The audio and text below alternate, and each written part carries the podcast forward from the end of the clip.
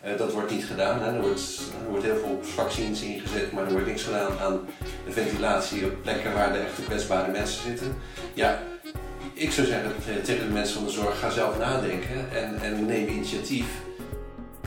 Dat toen ik vroeg van, en, en waarom, ik dit is gewoon wetenschappelijk onderzoek, zei ik tegen LinkedIn, waarom, waarom mag dat niet? Ja, dat, dat is niet in overeenstemming met, met, met wat de WHO goed vindt. Toen dacht wat?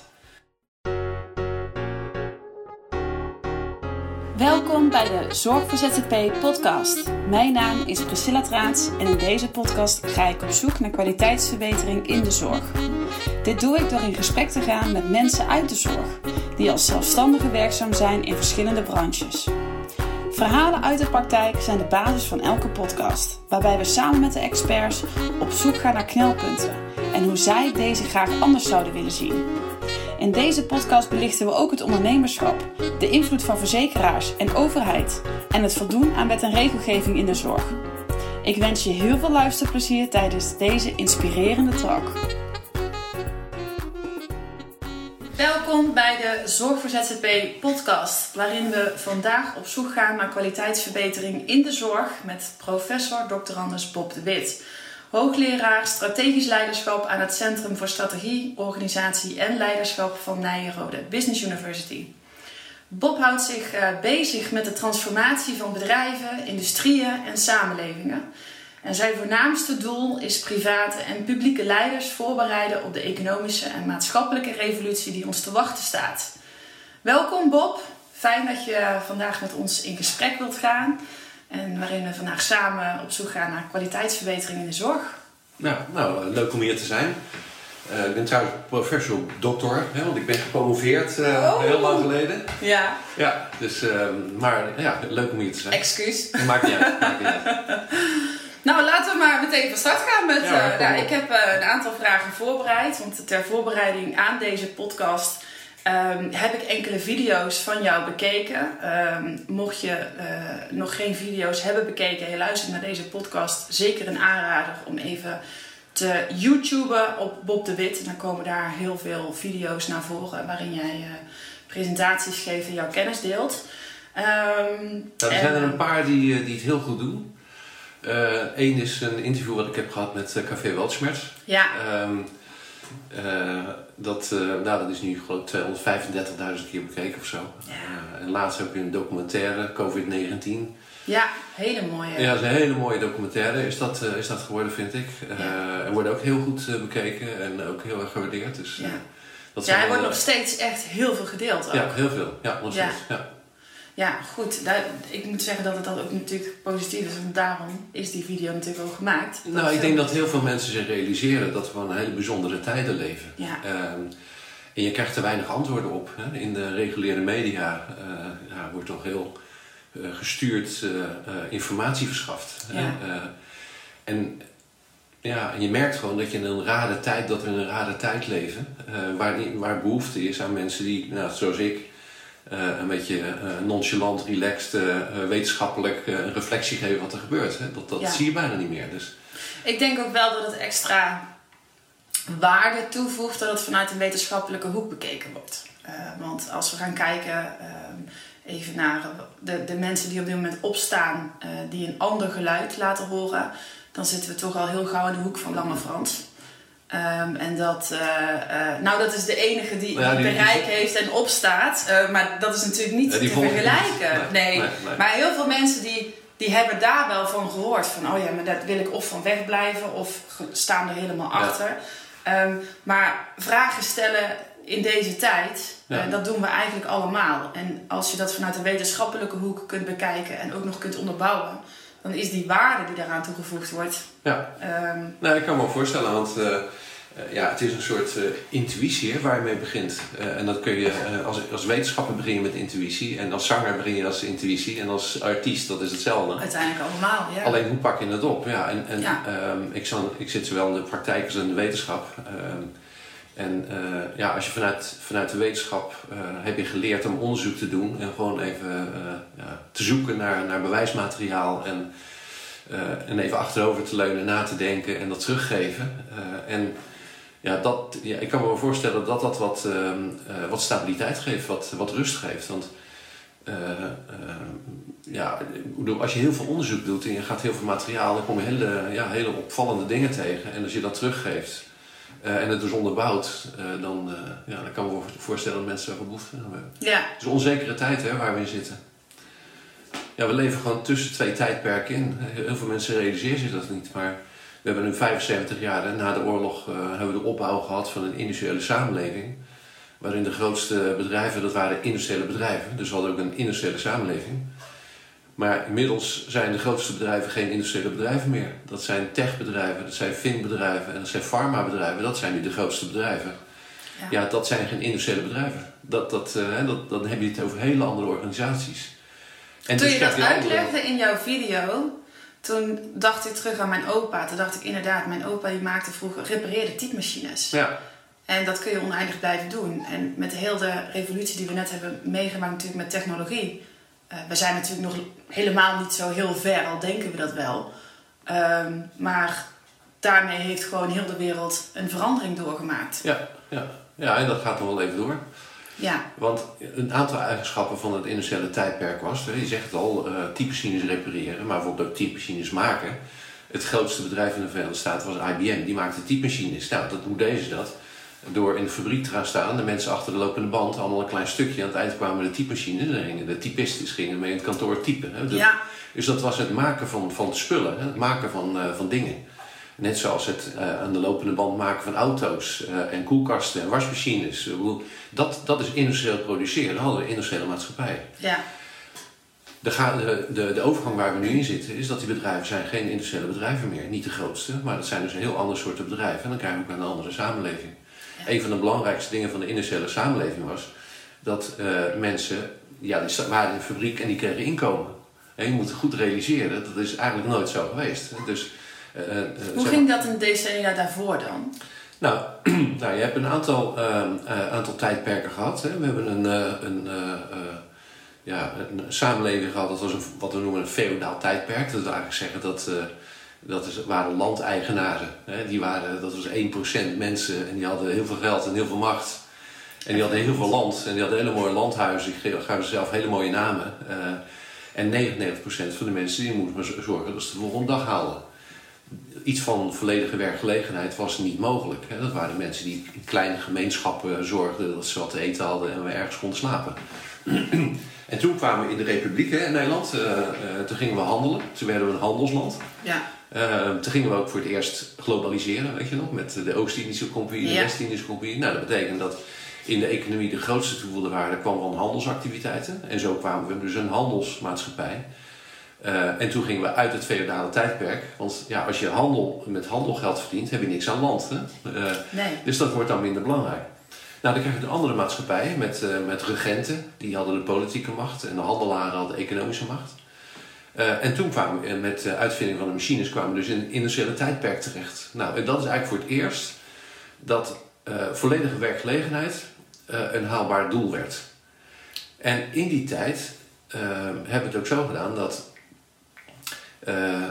dat mensen die gingen aan het werk, die kregen ook inkomen. Um, uh, dus voor het eerst konden een groot deel van de mensen kon het goed hebben. Ja. en, en eigenlijk ook het hele maatschappelijk systeem is veranderd. We hebben toen een democratie gekregen. en dat was eigenlijk omdat er twee belangrijke factoren zijn in het industriële tijdperk. En dat is arbeid en kapitaal. Ja. Dus je moet ergens een balans vinden tussen arbeid en kapitaal. Hè. Nou, in het begin van het tijdperk waren er ook filosofen die, hebben daarmee bezig, die zijn ermee bezig geweest. En zo'n Marx, hele boeken geschreven hoe je nou een balans vindt tussen arbeid en kapitaal. Um, en sommigen die, die zeiden van nee, het, de macht moet naar de arbeid. En de anderen zeiden, dat is een partij van de arbeid. En de anderen zeiden, de macht moet naar het kapitaal. Uh, dat waren dus de rechtse, dus links en rechts. Ja. Je had werkgevers, werknemers die met elkaar overlegden. Dus alles in het industriële tijdperk ging om die balans tussen arbeid en kapitaal. Omdat voor het eerst iedereen werk had en dat mensen nodig waren, werd arbeid een factor. Nou, als nou in de toekomstige samenleving uh, de techbedrijven, de farmabedrijven en de finbedrijven, als die de macht hebben en we hebben geen arbeid meer nodig, dan gaat de maatschappij dus veranderen. En dat is waar we in zitten. En we weten nog niet waar naartoe. Hè? Dat, is de, dat is de onzekerheid. Uh, altijd tussen tijdperken is altijd een periode dat mensen die weten. Ja. Ja, dat is een beetje chaos. Want eh, eh, ja, sommige mensen zien dat je, hè, als je bijvoorbeeld het feodale tijdperk neemt, eh, er werd al een beetje gehandeld. Hè? Dat werd al een klein beetje gedaan. Het was nog niet groot, maar het werd wel gedaan. Eh, en steeds meer mensen zagen dat handel belangrijker, eh, belangrijker ging worden dan, eh, dan het eh, hebben van land en het ontginnen van het land.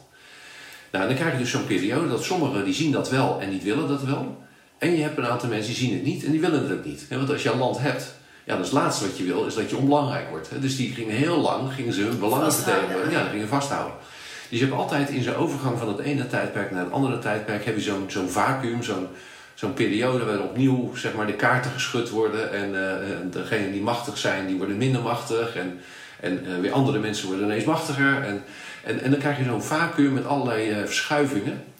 Eh, en daar zitten we nu ook in. We zitten ook in zo'n verschuiving. Eh, het gaat niet meer om industriële bedrijven. Het gaat niet meer om arbeid. Eh, het gaat om hele andere dingen. Nou, en eigenlijk waar we nu in zitten is...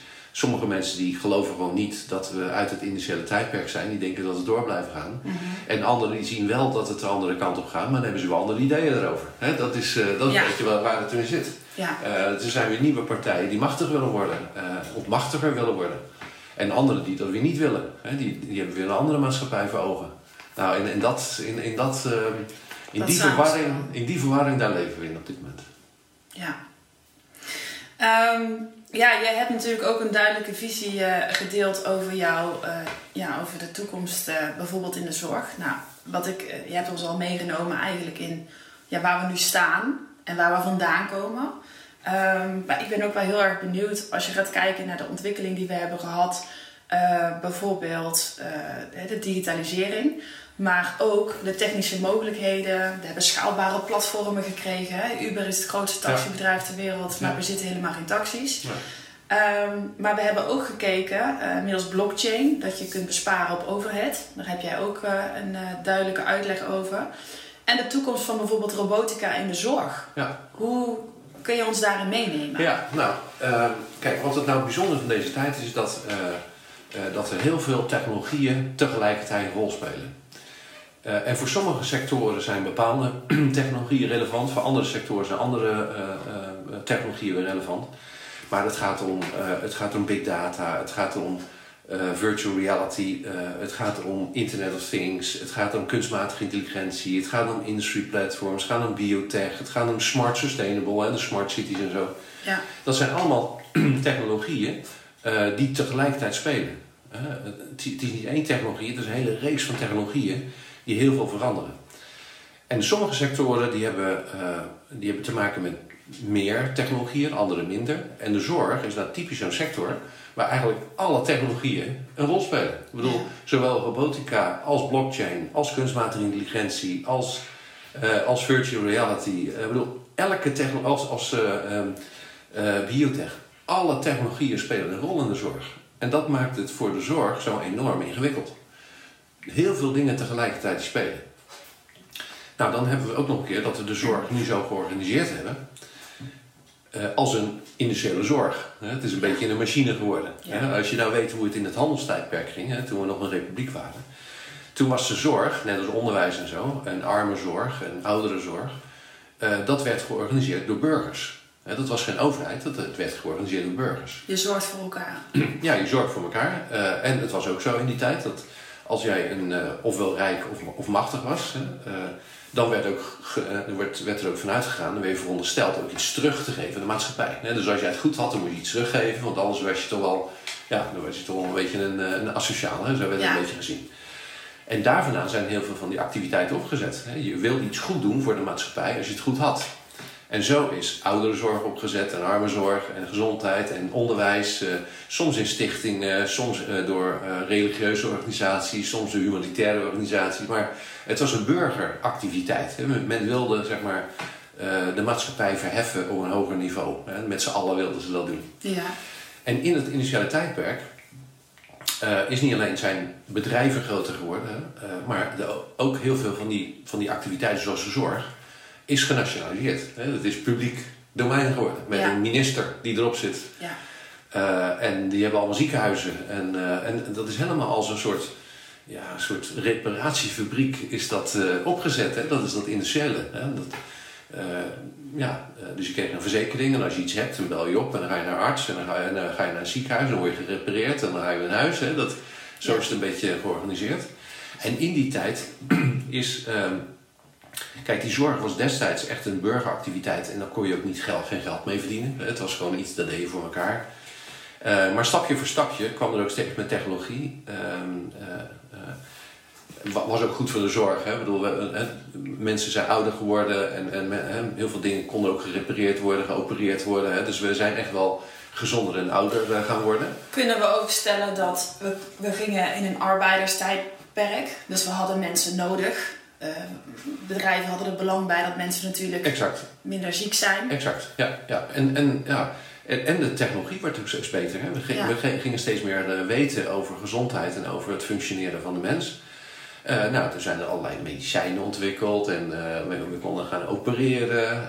het is allemaal, allemaal, stappen zeg maar, in de goede richting. Maar wat je dus ook zag is dat het was geen burgeractiviteit meer, maar het werd overheid.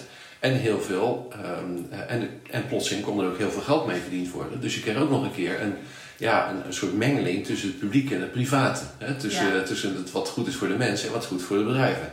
Ja. Nou, en dat is door elkaar heen gelopen. Uh, en, ja, en, als, en als je me vervolgt dat we in een, in een tijdperk zitten uh, tussen twee tijdperken in. En dan heb je al in de zorg dat er heel veel technologieën een rol spelen. Dan heb je ook nog een keer dat de maatschappij verandert. Dus ook de zorg, de organisatie van de zorg gaat veranderen waar allerlei commerciële belangen erheen spelen en publieke belangen erheen spelen. Uh, ja, dat is dan, en dat, dat maakt het heel complex voor de zorg. Ja, ja. Gaat heel veel dingen veranderen. Ja, jij hebt uh, in jouw eh, video over medicatiezorg, uh, om daar maar meteen op in te haken. Stel jij dat in 2035 we geen arts meer nodig hebben en ik ben dan wel heel erg benieuwd hoe jij kijkt tegen de functie van artsen en de manier waarop ons zorgstelsel op dit moment is ingericht. Um, ja, als we het enkel toeschrijven op medicatie. Want, want hè, je hoort natuurlijk heel veel artsen die nu zeggen van ja, huisartsen ook, die zeggen ja, weet je, mijn, mijn wachtkamer blijft maar vol zitten. En als ik het echt goed zou doen, dan zou mijn wachtkamer leger worden. Ja. Hè, dus ook huisartsen beginnen zichzelf af te vragen, is dit nou wat ik de komende 50 jaar ja. wil blijven doen. Hoe, en jij hebt daar een hele stellige 2035 hebben we geen arts meer nodig. Ik ben benieuwd hoe jij dat ziet. Nou, ik denk dat, uh, uh, ik denk dat het goed is dat mensen in de zorg uh, wat een beetje alert worden op die grote veranderingen. Dus, en ik probeer altijd een beetje stelliger te zijn om mensen wakker te maken. En nou ja, dat is ook gelukt, hè, want ik zit ja. hier. Hè, dus, ja. um, maar ik zal even een voorbeeld geven. Um, kijk, um, er zijn bijvoorbeeld een technologie dat heet machine learning. en machine learning is een combinatie tussen, van big data, dus heel veel kennis, uh, en kunstmatige intelligentie. He, dat, dat is machine learning. en er zijn een aantal toepassingen van geweest. en een van de toepassingen was Watson. Nou, die is beroemd geworden he, van IBM. Ja. en Watson, dat was een, een machine learning toepassing, een verdere ontwikkeling van van, van Deep Blue, met, die kon schaken. Ja. Maar eigenlijk wat, wat ze gedaan hebben in Watson is eigenlijk alle medische kennis in Watson stoppen. tot, tot op vijf seconden geleden. Dus het is helemaal geüpdate. Ja. Nou, er is natuurlijk heel veel kennis. Um, en, en dat is eigenlijk te veel kennis voor een mens om te onthouden. Dat is, maar is het ook nodig om het te onthouden?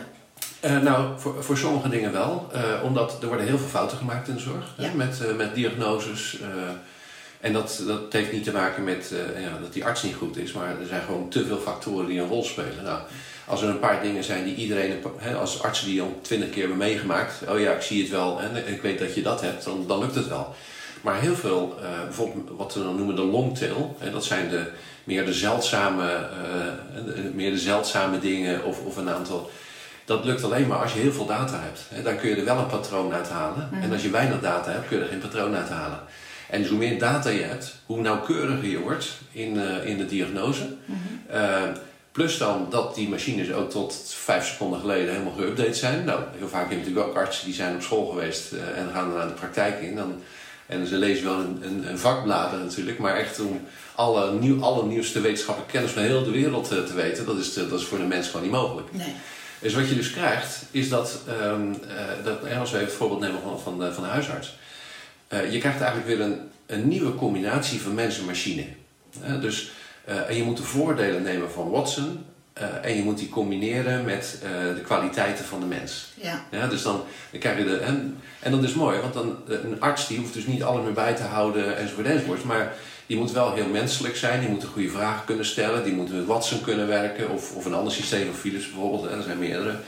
Eh, zodat die meer een, eh, een, een, eh, een, een vraagbaak is en, en een intermediair tussen patiënt eh, en, eh, en technologie. En je krijgt dus een andere rol voor een arts. ja. Maar dat betekent ook dat je artsen anders moet gaan opleiden. Nou, Ja. ik, eh, voordat we de podcast begonnen, volgens mij, toen zei jij iets heel moois. eh, dat je vanuit de wetenschap begint, alles begint met intuïtie. Eh, Ja. En je zei het in de podcast, begin van de Ja, podcast, hoe noem je het? Ehm, ik denk dat heel veel mensen niet weten hoe ze met hun intuïtie moeten omgaan. We Ja. hebben het allemaal, Ja. maar het is wel iets wat je moet zien te leren ontwikkelen. En ik heb soms wel eens het idee dat dat juist is wat op school niet meer geleerd wordt. Nee. En als we dan gaan kijken naar de hele hoogopgeleide mensen die veel scholing hebben gehad, ehm, werken zij met hun intuïtie als zij vanuit hun artsen gaan kijken. Want dat is eigenlijk wel Ja. een beetje de stelling die je inneemt. Van we hebben dadelijk een heel slim systeem wat het denken voor ons doet. Ja. Dus wij als mens gaan onze menselijke capaciteiten Ja. veel meer gebruiken Ja.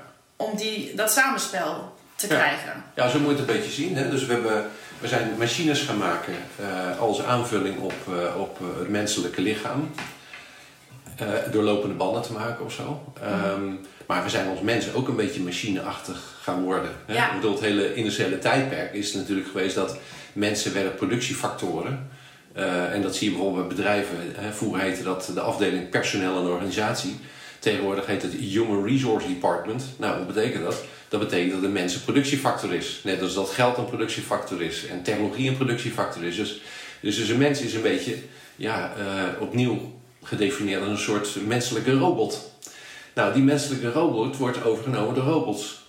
Eh, en, Ja. en dus je hoeft, als mens hoef je niet meer een human resource te zijn. Eh, dus je kunt weer mens worden. En, en heel, veel, vak- heel veel beroepen is natuurlijk heel erg technisch geworden, een beetje robotachtig geworden. Ehm, eh, en ehm, eh, ja, als, je, als, als je vanuit gaat dat heel veel technologieën dat gaan overnemen, ja, dan kun je als mens kun je weer mens worden. Ja. En je gaat een nieuwe relatie met, met, die, met, met die technologie aan. En ook weer voor, voor, ehm, voor de zorg. Ja, al die technologieën spelen een rol. Dus robotica speelt een rol. Ehm, de nauwkeurigheid van operatierobots, daar kan een mens niet tegenop. Ik bedoel, eh, Ik vind het ook in, in principe, ik heb een keer gevraagd. Eh, een, een kennis van me is eh, gespecialiseerd in borstkanker, ze is chirurg. Nou, ze heeft hele goede dingen gedaan voor het Deventer ziekenhuis. En ehm, ik vroeg ook aan haar van, van hoe ga je nou bijvoorbeeld om als chirurg met de balans tussen rust en inspanning? Want hè, je hebt best een hoge verantwoordelijkheid. Weet je hetzelfde, een piloot bestuurt wel even Ja. een heel vliegtuig. Jij staat wel te opereren. Ehm, hoe hou je die balans? En dat daar vrij weinig aandacht blijkbaar aan geschonken wordt. ja. Eh, ook vanuit hun. Dat, dat die werkdruk enorm is. En dat fouten dus eigenlijk continu gemaakt worden. Ja, nou, het, het, het voorbeeld van, eh, van die piloot in een vliegtuig natuurlijk interessant, want eh, die moeten opstijgen en dan zetten ze de autopilot. En, Ja, gaan- en, en die hoeven niks meer te doen. Hè? Dus, eh, eh, Ja, en, en dat is wel een metafoor ook voor heel veel andere beroepen. ja, Hè, dat, daar mogen we wel naar gaan kijken. Ja, daar moeten we wel naar gaan kijken. Dat is wel de metafoor van, van hoe het gaat. Ehm, en ja, kijk, de hele zorg gaat. bedoel, er zijn zoveel technologieën waardoor het hele systeem van de zorg gaat veranderen. Ehm, Dat hebben we ook wel echt nodig. Hè? als- eh, dat hebben we echt nodig, ja. En, en voor een deel gaan we ook weer terug in, in de tijd. ja. En dat zie je dat, eh, dat de zorgsysteem is nu als een reparatiefabriek ingezet. Hè? Dus, Ja. je, dus je, in principe blijf je thuis en als je ziek bent ga je naar een huisarts en dan gaat, dan gaat de hele machinerie gaat werken. Ja. En je ziet de laatste tijd steeds meer nadruk op gezondheid dan Ja. op zorg. Preventie, Ja, gezond, dat je helemaal integraal gaat kijken hoe beweeg je, hoe eet je. hè? Dus, dus je gaat vooral kijken naar alle factoren wat de gezondheid bevordert. En die technologie maakt het ook mogelijk om, wat je al zei, eh, preventie te doen. Met de Apple Watches, eh, en dat gaat nog wel verder. Als je nou weet dat in eh, China is Alibaba bezig met een, met een gratis zorgverzekering. Ehm, door ja, een, een, chip onder je huid te zetten op een andere manier of zo. En dan krijg je alle data, die worden dan gewoon gemonitord. Uh, dan al die data wordt vergeleken met een miljard andere Chinezen. Uh, daar komt dan een patroon uit en dan zeggen ze, nou, volgens onze algoritme zou het dus kunnen zijn over, over een week dat je een probleem krijgt. Dus, en dan ga je dus voordat je een probleem krijgt, kom je dus eigenlijk, wordt, wordt eigenlijk al gezien dat, dat er iets is. En dan kun je dus eigenlijk heel, in de preventie kun je dingen doen. Hè? We zien dat er is iets niet goed in je bloedwaarde, er is iets niet goed in, in, je, in, in andere dingen van je lichaam. Dus dat is even zorgelijk, daar moeten we even naar gaan kijken. Dus net met de auto, um, het is altijd duurder en vervelender als je rijdt en, en hij doet het op een gegeven moment niet meer, want dan is je motor in de, in de prak gelopen. Dat is een hele dure, dure. Dan ga je achteraf repareren. Dan moet je achteraf repareren. En als je van tevoren alles checkt en je hebt allerlei metertjes en je houdt bij hoe het gaat en zo. En op een gegeven moment gaat een lampje branden van er is te weinig olie. Nou, dan doe je de olie in en dan rij je weer door. Nou, een beetje zo. Ja. Dat, dat is het verschil tussen repareren en, uh, en preventie. En er komt steeds meer, uh, gaat, er, het gaat er naar preventie. Uh, steeds meer naar voeding, steeds meer naar bewegen, ook, ook geestelijke gezondheid. Hè. Waar worden mensen gelukkiger van? Uh, nou, niet van deze lockdown. Um, en nee, het heeft enorme consequenties voor de gezondheid, ook voor mensen. Dus je moet veel meer naar gezondheid in zijn algemeenheid kijken, in alle verschillende facetten. Eigenlijk gaan we weer terug naar de basis. Ja, het is eigenlijk weer terug naar de natuur. Ja, het is eigenlijk een combinatie tussen, tussen alles wat daarvoor is opgebouwd, maar ook weer terug naar de basis. Hè. Dus het, het, is niet zo dat, dat ziekenhuizen gaan verdwijnen of dat reparatie gaan verdwijnen. Ik bedoel, het kan nog steeds zo zijn dat uh, als je tegen een boom rijdt, moet je geopereerd worden. Ik bedoel, Ja. dat, dat blijft zo. Hè? Ja. Um, alleen uh, het, te veel nadruk op dat repareren, dat gaat vervangen worden door een meer integrale manier van kijken. Uh, waar ook met, met name preventie en al die andere factoren een rol gaan spelen. Nou. Ik denk dat veel mensen die nu luisteren heel erg opgelucht gaan zijn. Ja? Ik, uh, dadelijk wil ik nog wel verder ingaan over de chip die je net, uh, want ik denk dat dat voor mensen een schrikmoment is. Ja. dat die technologie bestaat, Ja. er is. daar kunnen we niet omheen. Nee. Um, maar daar wil ik uh, dadelijk wat verder op ingaan om de combinatie te maken tussen technologie um, en uh, uh, ja, de, de zorg, hè, wat, waar we als mens zijn op kunnen wachten. En je hebt het net ook al een stukje aangegeven, de lockdown. Ik wil daar toch, toch even op ingaan. Um, want als professor aan Nijrode ben jij uh, naast dat je dat doet ook betrokken bij het breakout team. En dat is een, uh, waarbij je eigenlijk op een wetenschappelijk onderbouwde manier, samen met nog 25 anderen, inzichten toont uh, ja, betreft de coronacrisis. Um, inmiddels is er veel bekend over het virus. ja, blijken de maatregelen niet passend te zijn als we kijken naar de daadwerkelijke cijfers. Um, kun je uitleggen hoe jullie te werk zijn gegaan en tot welke inzichten je bent gekomen? Nou, kijk, het breakout team, uh, dat, uh, dat zijn 25 uh, onafhankelijke denkers en doeners. allemaal wel een beetje goed in hun eigen vakgebied. Het zijn echt fantastische mensen. soms is er ook verschil van mening, hè? Dat, dat hoort er ook in. Dan wordt er een goede dialoog over gevoerd. Um, en dat breakout team is dus niet het breakout team. Hè? De breakout team dat is een viroloog die, die het kabinet adviseert. En het breakout team een beetje een woordgrapje, maar dat is juist bedoeld om vanuit heel veel verschillende disciplines naar de vraag te kijken. Dus meer multidisciplinair. Nou, waarom ben ik bij dat breakout team terechtgekomen? Dat kwam omdat eigenlijk al een jaar of zes geleden zag ik al aankomen, het begon met intuïtie, hè, zouden we zeggen, een wetenschappelijke intuïtie, van dat die technologieën veel fundamentelere veranderingen gaan maken dan mensen denken. Uh, het is niet zo, maar er komt naast uh, auto's en vliegtuigen komt er ook een computerindustrie. Hè? Dat is gewoon een sector daarnaast of zo. Uh, en dat doen ze horizontaal, hè? er komt een sector naast, hè? horizontaal. Ja. Maar ik dacht van het is veel fundamenteler, het gaat eigenlijk door de hele maatschappij heen. Dus eigenlijk zes jaar geleden, toen dacht ik al van nu komt er die maatschappelijke revolutie, die gaat er een keer aankomen. Toen heb ik in 2017 heb ik een oratie gehouden, dat is een publieke college, zeg maar, waar je soort van je hoogleraarschap aanvaardt. Een beetje een academisch ritueeltje. Dus ik heb een oratie gehouden en dat heette Aan de vooravond van de maatschappelijke revolutie. Dat was de eerste keer dat ik erover publiceerde. Uh, dat kun je ook downloaden bij Nijrode, staat gewoon op de site. Um, nou, toen wist ik dus al, hè, dat is in 2017 had ik die lezing al gegeven. En ook de jaren daarna ben ik, kwam ik steeds meer, ben ik steeds meer onderzoek gaan doen en begon, begon ik steeds meer te begrijpen wat er aan de hand was. zoals, een, zoals Johan Cruijff vroeger zei, je ziet het pas als je het snapt. Hè? Ja. Nou, dus ik, ik had al die, dat, dat, die focus van, we zitten in een maatschappelijke, die gaat er een keer aankomen.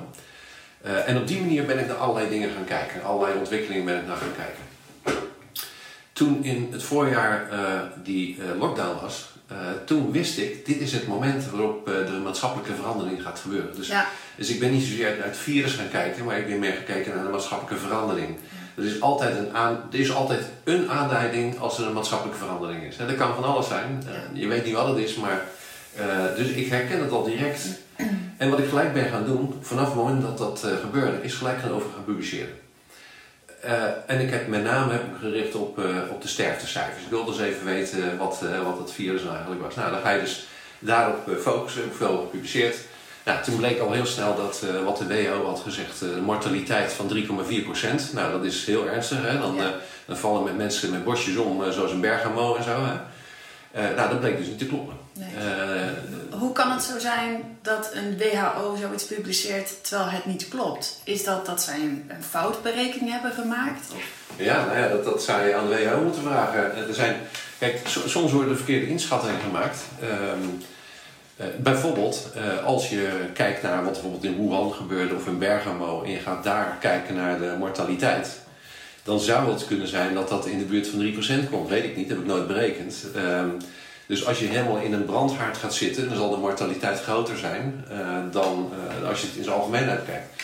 Dus maar dan moet je het ook nog in perspectief gaan plaatsen. Ja, ja, inderdaad. Nou, en ik heb het berekend en toen kwam ik op uh, 0,123 uit of zo. Nou, dat is, dat is echt een heel groot verschil. Ja. Dus daar heb ik over gepubliceerd. Nou, dat, dat trok gelijk aandacht. Nou, en zo ben ik gevraagd om in het breakout team mee te denken met een aantal hele goede, goede mensen over wat dat allemaal betekent. Dus ik wist dat dat uh, maart was eigenlijk, uh, ja, zou je kunnen zeggen, wat, het begin van, uh, van de rest van de toekomst. Mm -hmm. en sinds die tijd, ja, wat je zei, Café Weltschmerz, heel veel interviews eigenlijk in alle bladen, en heel veel podcasts en van alles doe ik daar. Eigenlijk om mijn, ja, mijn visie te vertellen van, dames en heren, word wakker. het is niet zomaar een virus, want dat is, ja, daar gaat het helemaal niet om. Het is Nee. een maatschappelijke omwenteling. Het gaat over een andere maatschappijinrichting. Het gaat om andere partijen die machtiger worden. Um, en, en wat je natuurlijk altijd hebt gehad, dus gewoon een stukje gewoon geschiedenisles. Als, uh, als er partijen te machtig en te rijk zijn, uh, dan gaat het fout. Zo is het altijd gegaan. Dan krijg je de chaos en dan moeten opnieuw de kaarten geschud worden in principe. toch? Ja, dan, dan, dan komt er gewoon een onrust in de maatschappij. Je voelt gewoon die onrust in de maatschappij. Heel veel mensen kunnen dat niet duiden. Hè. Die, ze, ze voelen zo onrustig, maar ze weten niet waardoor. Um, maar je voelt gewoon een bepaalde onrust komen. En dat is een altijd, altijd in die overgangsperiodes tussen maatschappijen is dat altijd zo gegaan. Uh, en dan zie je in zo'n vacuüm, uh, zijn dat de partijen die zeggen van nou, dat is, uh, die, die, ja, die proberen er gebruik van te maken. bijvoorbeeld in het begin van het industriële tijdperk, met de uitvinding van de machines. Ja, er waren ook bedrijven die zagen dat heel goed, hè, goede, goede ondernemers. en, en die zagen dat, dat de maatschappijen gingen veranderen en dat locomotieven en, en auto's een grotere rol gingen spelen. En er werd een soort van monopolist. Ja. Um, uh, dat zijn die ondernemers die gelijk erop, erin stappen. Uh, die willen de rijke machtig door worden. Uh, die zien dat eerder dan de anderen.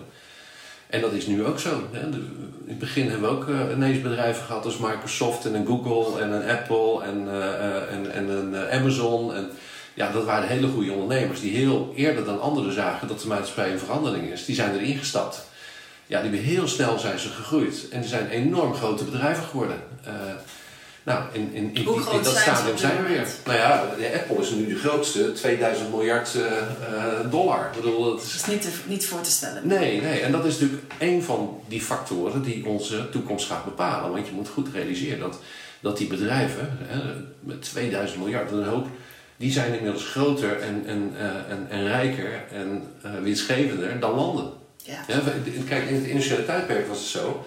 We hadden te maken met fysieke goederen. Ja, dus als jij een auto wilde hebben, dan moest ergens een fabriek staan. Er werden, dat was een fysiek ding. Er werden auto's in gemaakt. Gingen de auto's rijden. En als jij als, als autofabrikant in Nederland uh, auto's wil verkopen, ja, dan moet je je aanpassen aan de wet van het land. Ja, dat, dat is nog een keer zo. Ja, als jij hier, uh, dan moet je gewoon aanpassen aan wat hier is. En je moet gebruik maken van, van allerlei fysieke bedrijven. Maar die bedrijven, die techbedrijven, die hoeven helemaal niet in het land te zijn. Die, bedoel, waarom, waar, hè, bedoel, waarom zouden ze hier moeten zijn? Er is helemaal niks fysieks. Het is allemaal software. Dus dat zit ergens in, in, het, in het luchtledige. Dat is ook het lastige om, om, om Facebook aan de richtlijnen te laten houden. Hè? Ja. Waardoor die elke keer onder druk gezet. Ja, dus die bedrijven zijn, zijn eigenlijk van nature zijn dat wereldspelers. En Ja. die hebben eigenlijk helemaal niks met landen. Nee. Dat is een beetje restant uit het verleden. Maar in feite bepalen zij, eh, bepalen zij de, eh, de regels van het spel. En die machtsverhouding tussen, eh, tussen bedrijven en landen is ook aangepast. En dus die bedrijven hoeven eigenlijk niet zo erg meer aan te passen aan de regels van het land, aan de wetten. Want ja, ze zitten op een hoger niveau, op wereldniveau. Ja, en als je dan naar landen kijkt, heeft elk land zijn eigen wetjes en zijn eigen voorkeur en zo. En, eh, weet je, dat en ze denken van nou, hè, wij, wij maken een aantal richtlijnen. Eh, dat is wereldwijd van toepassing. Ehm, en ja, je houdt je eraan. Ja, en dat, zie je dus ook op, nationaal niveau. Dat zie je in het kabinet. Die zit gewoon, ja, ook een beetje klemming. Die zit er een beetje klemming. Want eh, ja, zij, zij hebben ook te maken met die wereld, hè, de nieuwe eh, wereldmacht die, die daar gaande is. Ehm, en dat geldt natuurlijk ook voor een aantal andere publieke taken, zoals gezondheidszorg, maar bijvoorbeeld ook eh, duurzaamheid, eh, hoe het met onze planeet gaat. Dat zijn ook geen vraagstukken die je op Nederlands niveau oplost. Dat zijn ook Nee. wereldvraagstukken. Nou, Ja. en dan krijg je dus die hele grote wereldbedrijven, eh, de tech, fin en eh, pharma. En je hebt eh, de grote publieke uitdagingen, zoals gezondheid, duurzaamheid, planeet. En die spelen ook op wereldschaal. En dat, daar zijn juist heel veel NGO's zijn er mee bezig. Hè? Dus Ja. non-governmental organizations. Ehm, er zijn er inmiddels heel wat, hè, 40.000 of zo geloof ik. Zeg ik uit mijn hoofd, hè. ik ga het niet controleren, maar beetje in die richting. Dat zijn er echt heel erg veel. En die spelen ook op wereldschaal. Dus de, de, dus de, grote, de grote vraag, die zitten niet meer op landniveau. Nee. De grote vraag zit op wereldniveau. Maar we En- hebben dan ook veel meer data tot onze beschikking. Eh, want als ik ga kijken, eh, ja, vanuit uit ben ik online marketeer. En ik heb altijd alle data vanuit Amerika. Eh, daar, is, daar hebben ze gewoon meer data. Dus daar kun je sneller Ja. nieuwe, eh, nieuwe ontwikkelingen oppikken. Eh, en zie je ook meteen van oké, als je dit doet, dan zijn dit de resultaten. Dan kunnen we ze in Nederland ook implementeren. Ja. Als we dan gaan kijken wat je toen straks vertelde over bijvoorbeeld de zorg, dan kunnen we straks middels machine learning het denken eigenlijk gaan ja, verpakken. Eh, dan worden we weer mens. Dus Ja. in principe, wat, wat hè, ik, hoor, ik, ik lees ook wat dingen en ik heb ook natuurlijk jouw video bekeken. En ehm, wat er heel erg. Aan de ene kant heb je natuurlijk het angstdeel van het virus. Ja. Hè, dus, dus echt dat er echt naar een, een virus gekeken wordt. Dat mensen bang zijn om daaraan te overlijden of heel Ja. ziek van te worden. Maar aan de andere kant wordt er natuurlijk ook angst aangejaagd voor de New World Order. Dat mensen daar weer heel bang voor zijn. Als ik ga kijken naar dat we een, in een verandering zitten naar een nieuwe maatschappij, dan zitten daar ook heel veel positieve kanten aan. Zeker. Als het, ehm, het, het kwartje de goede kant op valt. Ja, nou ja, dat is natuurlijk precies eh, waar mijn boek ook over gaat. Hè. Dat, eh, dat heet ook Society 4.0. en en dat, ja, dat geeft precies aan wat jij zegt. Eh, we zitten op zo'n zo'n ja, zo'n zo'n kantelpunt, zo'n zo'n zo'n zo'n ja, zo'n uniek moment waarin een andere maatschappij gaat ontstaan. En Eh, overgangsperiode. en, dat kan, en dat kan verschillende kanten op gaan. Ja. Eh, en ja, je kunt, een, eh, je kunt je best voorstellen dat er een maatschappij is waar een aantal grote, machtige partijen alles naar zich toe trekken. En de mens, ja, die wordt weer onderdanig aan, aan de grote machthebbers. Ehm, en dat is altijd zo gegaan. Hè? Al- Altijd als je een nieuwe maatschappij ging, dan was, was zo'n moment daar. En dat is nu ook zo. En je kunt zeggen, ja, al die technologie maken het ook weer mogelijk om weer eh, eh, ja, om het in te zetten voor de mensen en voor de planeet. En dan gaan we het allemaal beter maken. Hè? Dus Ja. het, het kan allebei. En, en ja, dat, dat zijn de keuzes waar we nu voor staan. En dat probeer ik dan te beschrijven in het boek. En, en ook mensen te, ja, te, eh, te inspireren om met z'n allen weer zeg maar, een betere maatschappij te gaan maken. Dat hoop ik in ieder geval te, te bereiken met dat, met dat boek. ja. Maar dat is, dat, dat is het punt waar we nu in staan. Ja, echt zo'n zo'n zo'n ommezwaai. Eh, Het beseffen dat dat eh, hetgeen is waar we nu in zitten, is voor, denk ik, nog een heel groot deel van de mensen al een flinke stap. Ja? Om, om, om Ja. eigenlijk weg te kijken, om groter te kijken dan het virus. Dus niet, niet meer daar alleen op te focussen, maar meer het geheel te kijken van wat gebeurt er nu eigenlijk allemaal. ja. Ja, het is ook heel moeilijk omdat die informatie, dat is natuurlijk ook iets van die technologie. Eh, en als marketeer zou je dat wel kennen. Ehm, dat is welke informatie moet je nog geloven? ja, Want, eh, en, en dat, Nou, dan komt toch weer intuïtie bij kijken. Ja, intuïtie, maar ook research. Hè? Dus dat, die wetenschappelijke kant van mij. ik, heb, ik heb goede ontwikkelde intuïtie. en ik heb natuurlijk onderzoeksvaardigheden, waardoor ik mijn intuïtie, daarna ga ik onderzoeken. Hè? En dat, als je kijkt wat er nu aan informatie wordt verstrekt, uh, over van alles nog wat, hè, dat gaat niet specifiek over het virus, maar gewoon zijn algemeenheid. Ja, er wordt heel erg, uh, uh, ja, er wordt heel erg geselecteerd, er wordt heel erg gefilterd om bepaalde doelen te bereiken. Ik weet niet of je die film The Social Dilemma wel eens hebt gezien over Facebook. Ja. maar Facebook ja, die verdient geld door polariseren. Hè. Die, die, die, filter, die, je krijgt alleen maar informatie uh, tot je, uh, die jij, ja, zoals jij zelf ook denkt, hè, die, die proberen een soort gevoel te geven. Uh, maar je krijgt dus geen ja, gebalanceerde informatie. Je krijgt geen informatie tegen argumenten, die krijg je gewoon niet. Dus die algoritmes die zorgen ervoor dat, ja, dat, dat, dat, je, dat je te horen en te zien krijgt wat je gaat horen en zien.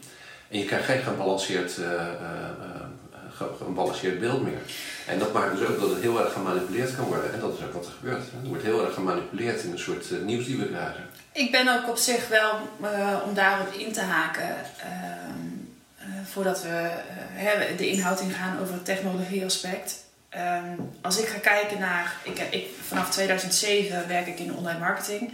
En ik heb me altijd heel erg verdiept in Google, het al, algoritmes. Ja. Daar wordt door sommige mensen heel spannend over gedaan. Hè? We moeten het algoritme kraken. Maar in principe is het niet meer dan een set aan regels. Het is een wiskundige formule die op elkaar aansluit en die een, ja, die een patroon kan laten zien. En dat mhm. blijft ontwikkelen. En dat algoritme hoef je niet te kraken, want jij bent degene die het algoritme in beweging brengt. En jij krijgt andere informatie te zien dan ik, omdat die ja. daar is die op aangepast. Ehm, dat wetende kun je natuurlijk ook op een gegeven moment wel gaan afvragen van als ik uh, kijk naar bijvoorbeeld het nieuws, wat vanuit het, het vorige tijdperk, hè, meer mijn ouders, mijn opa en oma, het nieuws is de waarheid. Je moet het nieuws bekijken om te weten wat er in de wereld gebeurt. Ja. En um, op een gegeven moment is dat natuurlijk een klein beetje verschoven naar nieuws via internet. Hè, want we, hebben, we kunnen ons abonneren op het AD, op allerlei kranten, ja. op nu.nl. Ja. Maar in principe wat je daar leest is hetzelfde als wat je op televisie ziet. Um, en daar heb je wel wat meer artikelen. Um, maar als je dan gaat kijken wat je net zelf ook aangeeft, en dat is wel wat, hoe ik het heb ervaren vanuit de hele beginperiode van corona is dat het alles in mijn intuïtie zei: dit is het niet. Mhm. Het is niet alleen een virus. Er waren zoveel ontwikkelingen tegelijk. Ja. En er waren zoveel dingen die gek waren. Waarvan je dacht, vreemd. Ja. Vreemd. Het, ehm, en dat roept op tot vragen.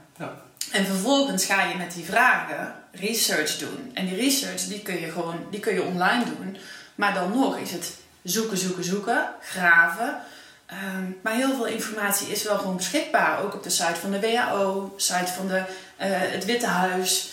Uh, allerlei. Eh, er zijn genoeg onderzoekssites die je kunt raadplegen om informatie tot je te nemen. die je op het nieuws niet nee. tot je krijgt. Ook niet op Facebook. Ja, tenzij jij het deelt. Um, en dan nog is het maar net of ik jouw berichten zien krijg, ja of nee. Ja, maar je moet echt uh, heel goed zoeken. Ja. Um, wat, wat, wat nieuws naar je toe komt is gefilterd, uh, is niet heel objectief, is niet van, van verschillende kanten bekeken. Mag je dus, dus ook eigenlijk niet van uitgaan? Dat, nee, nee, de informatie die je krijgt moet je altijd uh, afvragen, klopt het wel of niet? dus de mensen die denken, nou, wat, wat er verteld wordt zal wel kloppen en wat, wat er uit Den Haag komt, dat zal wel kloppen. Nou, dat, dat, dat moet je even daar moet je niet meer van uitgaan. Uh, Je moet echt wel zelf kijken, omdat mijn, mijn ervaring is dan, als je dan gaat, als je dan gaat onderzoek doen, ja, dan blijken toch hele andere krachten te spelen en hele andere factoren een rol te spelen. Ja. En ik ben er ook met schade en schande achter gekomen over daar moet ik ook eerlijk, eerlijk over zijn. In het begin van, want het, gaat, het, gaat verder dan ik zelf dacht in, in, in maart, hè, wat ik zei toen ik begon te publiceren. ik heb veel gepubliceerd op LinkedIn. Ehm, en ik had allerlei dingen, had ik, uh, het had het kabinet gezegd van ja, we, we moeten 100% besluiten nemen of 50% van informatie. Ik dacht van nou, dus, uh, ik ben wetenschapper, uh, ik voel me betrokken, dus ik ga ook onderzoek doen en ik ga het publiceren. En dan, en dan kan het kabinet ook zijn voordeel mee doen. Nou, dan had ik allerlei dingen gemaakt. Bijvoorbeeld een studie over de werking van mondkapjes. gewoon in mijn naïviteit. Hè? Gewoon wetenschappelijke naïviteit. Ehm, en dat had ik gepubliceerd. En toen werd ik van LinkedIn afgegooid. En dan heb je hem? Ik dacht, wat is dit nou weer? dus waarom dan? Toen heb ik contact al gehad met LinkedIn. Wat is aan de hand? Ja, je hebt dan 1, 2, 3, 4, 5 publicaties erop gezet. Uh, en dat, ja, dat past niet bij onze terms and conditions. Dat betekent dus dat LinkedIn, die heeft dus terms and conditions waar ik aan moet voldoen. Terwijl ik dacht als wetenschapper, ik ga onderzoek doen en wat er ook uitkomt, ja, dat is nou een keer wetenschap. Hè? En ik kan het mis hebben, maar ja, dat is nou een keer wetenschap. En dit heb je voor de coronacrisis nog nooit meegemaakt? Nee, nog nooit meegemaakt. Nee. Terwijl je meer wetenschappelijke artikelen hebt gedeeld, neem ik aan. Ja, voor de periode van corona. heel veel gepubliceerd. Dat was nooit een probleem? Nee, dat is eigenlijk nooit een probleem geweest. Dus altijd vrijheid van meningsuiting, uh, wetenschappelijke vrijheden, dat waren allemaal ja, normen, zeg maar bepaalde regels waar, dat was, hadden we in de loop der eeuwen hadden we dat opgebouwd, hè? Dat, dat vonden wij belangrijk. en het interessante was dan, dat toen ik vroeg van, en waarom, waar, ik bedoel dit is gewoon wetenschappelijk onderzoek, zei ik tegen LinkedIn, waarom, waarom mag dat niet? Ja, dat, dat is niet in overeenstemming met, met, met wat de WHO goed vindt. Toen dacht ik, wat? Ik zeg, wat? Ja, nee, kijk, als het, als het gaat over corona en over gezondheid, ja, dan uh, onze terms and conditions uh, dat wij ons aanpassen aan, aan de WHO. Want ja, dat is gezondheid. dus daar gaan wij, daar hebben we geen verstand van. We zijn wel. Dus als je iets publiceert dat niet overeenkomt met wat de WHO zegt, ja, dan mag dat niet. Ik zeg, ja, maar hoe moet ik dat nou weten? Ik bedoel, er staat terms and conditions, maar er staat niet op van uh, je, moet, je, moet, je moet hetzelfde zeggen als een WO. Dat had, ik, dat had ik nog nooit gelezen. Maar dat is ook best vreemd als wetenschapper. Dat, je... ja, dat, is voor mij, dat was voor mij echt zo'n moment van, hé, hoe zit dat nou? Dus toen begreep ik ook, dat is ook weer zo'n patroon die je dan herkent hè, als dat gebeurt. We, aha, dus zo zit dat. Hè. Weet je nog dat ik het net had over de, de, de NGO's hè, op wereldschaal en die bedrijven op wereldschaal? Nou, dit is zo'n voorbeeld. Ja. LinkedIn is een wereldspeler, is onderdeel van Microsoft. Uh, de WHO is, is zo'n NGO wereldschaal. Dus die werken dus kennelijk samen op deze manier. Uh, dus LinkedIn die past zich aan, uh, als het over gezondheidszorg gaat, en je zet iets op LinkedIn, dan, gaat de, en dan moet het voldoen aan wat de WHO zegt. en als je een aantal dingen publiceert die niet overeenkomen met wat de terms and conditions van de WHO, dan word je dus verwijderd van LinkedIn. Dan mag je dus niet meer meedoen. Ja, dat, dat zijn dingen die, die dat, dat was voor mij echt compleet nieuw. Om ook steeds beter te begrijpen hoe dat hoe het in elkaar steekt. Ik wil niet zeggen dat het slecht bedoel of zo. Hè? Want het is, uh, dat, uh, zo bedoel ik niet. Maar het is meer dat je weet hoe het werkt. Hè? Tot nu toe was het ja, zo. De, de, kaarten worden op dit moment eh, geschud. We zitten nu in een overgangsperiode. En als we gaan kijken naar de, uh, de, de, grootste techbedrijven, dan is Microsoft daar natuurlijk uh, denk ik, een van de grote. Ja, zeker. met belangen in de pharma. Nee, Microsoft heeft geen belang in de pharma. Microsoft, Microsoft zelf niet. Uh, nee, Microsoft is... Uh, maar laten we zijn naam maar gewoon noemen. Als we gaan kijken naar Bill Gates... die naam die popt denk ik sinds de coronacrisis nog steeds hè, meer op. Um, hoe zie jij die belangen van elkaar. Want uiteindelijk, als we gaan kijken, hè, eh, als we het eventjes in, in tweeën delen, we hebben de, de, private sector, de grote techbedrijven, die eigenlijk zo groot zijn geworden dat ze groter zijn dan de landen. Ja, dat noem ik ook corporate states, hè? want ze gedragen zich als landen, maar het zijn corporates. Ja. En, ze, ja, en, en dat voorbeeld wat je net benoemde van LinkedIn, is dat LinkedIn zich in principe gaat samen met de WHO gaat bemoeien, om het zo maar even te noemen, met wat er door mensen in een land gedeeld gaat worden. Ja, kijk, vroeger was het zo dat je had bijvoorbeeld eh, bedrijven in een land, Philips. Ja. En Philips die, uh, die, ja, die moest gewoon belasting betalen en zo. En die had overleg met, met de Nederlandse staat. Uh, en als ze in Duitsland zaten, hadden ze overleg met Duitsland. En als ze in Amerika hadden, overleg met Duitsland, Amerika. Dus toen was er een landenstructuur waarin bedrijven zich moesten aanpassen aan de wet van elk land. Nu is het zo dat het spel speelt niet meer op landniveau, het speelt op wereldniveau. Dus in plaats van dat je met het Nederlandse ministerie van Gezondheid werkt, werk je nu met de WHO. Dat, dat is zeg maar het ministerie van Gezondheid, hè, van, van wereldwijd zou je kunnen zeggen. Dus dat, dat zo'n bedrijf uh, afstemt op uh, een, een, publieke organisatie, ja, dat was vroeger ook zo. Als je, hè, als je in een land zat, moest je ook als privaatbedrijf moest je overleggen met de overheid hè, om dingen te doen. Nou, dat is nu op wereldschaal. Dus op dat, uh, dus ja, wie bepaalt er dan wat, uh, wat er dan wel mag en niet mag? Um, Nou, is, gaat het over gezondheidszorg, uh, over gezondheid. Ja, dan zegt LinkedIn, ja, ik heb er geen verstand van. dus er moet een partij zijn die dat wel doet. Ja, ik kan niet met alle ministers van gezondheid gaan, gaan overleggen. Dus die pakken gewoon één partij, en dat is dan de WHO. Die bepalen wat wel en niet klopt. en, en zij moeten de belangen behartigen van al die landen ter wereld. Ja, dus, ja ja, wereldschaal zijn zij de partij, de aansprekende partij. Dus, dus dat zij zich aanpassen, dat snap ik wel. Alleen, ja. Um, A, denk ik dat de WHO het niet altijd goed heeft. En het is ook wetenschappelijk, is het ook hè? Is het raar, want uh, in de wetenschap is het juist gebruikelijk dat als er een nieuw virus is of een nieuwe ontwikkeling is of uh, wat dan ook, dan ontstaat er een wetenschappelijk debat. En dan, dan zijn er verschillende meningen van, van verschillende mensen. En, en als onderzoekend, hè, zo langzamerhand kom je dan tot de waarheid. Uh, dat, dat is ook wat ik deed. Hè. Ik ging gelijk ging onderzoeken en ik kan het mis hebben. Uh, en, en, als er iemand is die oneens, dan ga ik met iemand overleggen. En dan, dat is eigenlijk de wetenschappelijke waarheidsvinding, hè, wat, uh, wat, mijn, wat, het, wat een wetenschapper is. Ja, als je daarmee bezig bent, je wordt gelijk afgegooid, omdat het niet overeenkomt met, met, met, ja, hè, met de instructies van de WHO, dan is dat voor mij een nieuwe manier van denken. Hè. Dat, is, dat was zo'n moment dat van, aha, dus nu ontstaat er dus een, een ander, soort, um, ander soort relatie tussen burgers, hè, mensen, uh, bedrijven en, en, publieke activiteiten. Dat, nou, ja. En, en, ja, zo gaat zo'n uh, zo'n denkproces eigenlijk.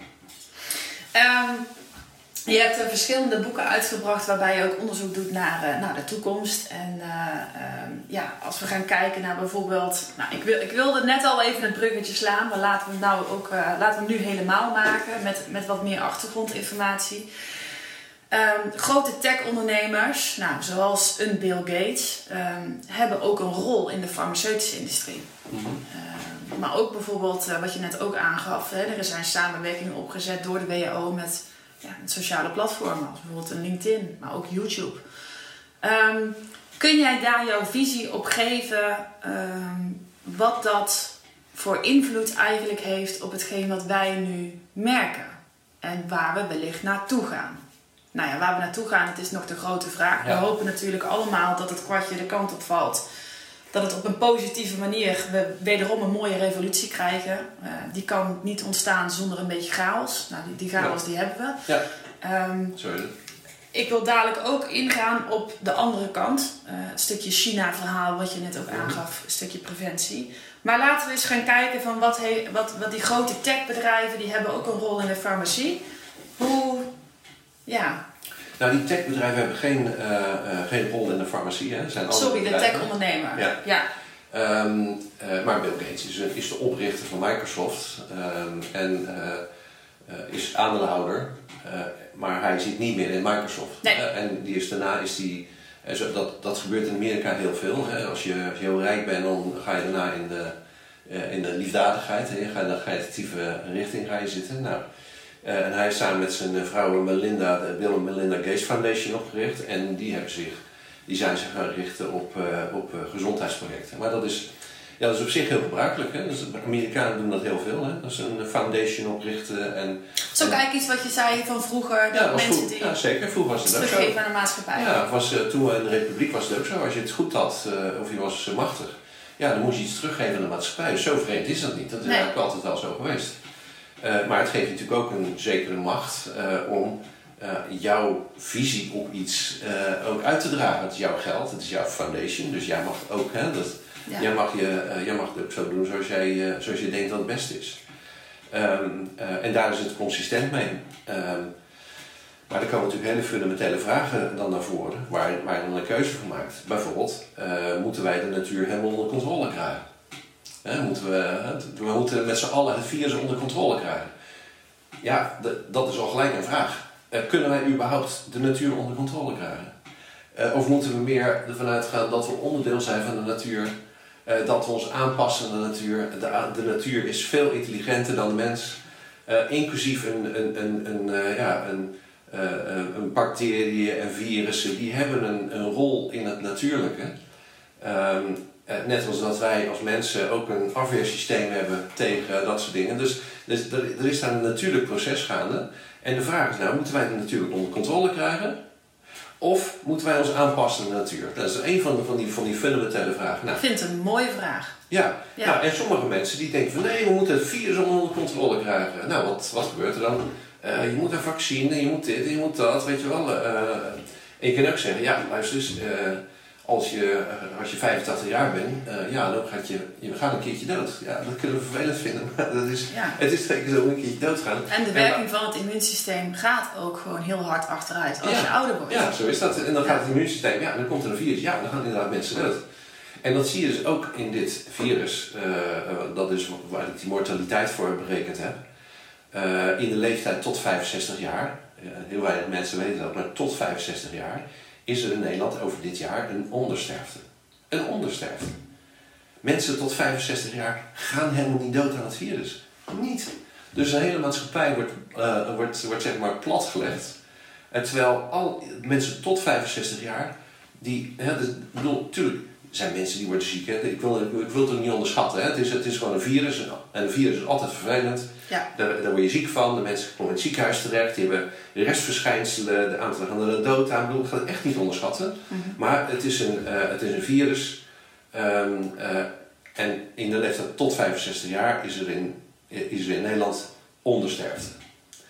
Waar zit de oversterfte? Dat zit in de mensen tussen 65 en 80. Maar met meerdere onderliggende kwalen. Hè? Dus als ze gezond zijn niet. Maar als zij eh, hartproblemen hebben of, eh, of wat voor probleem dan ook.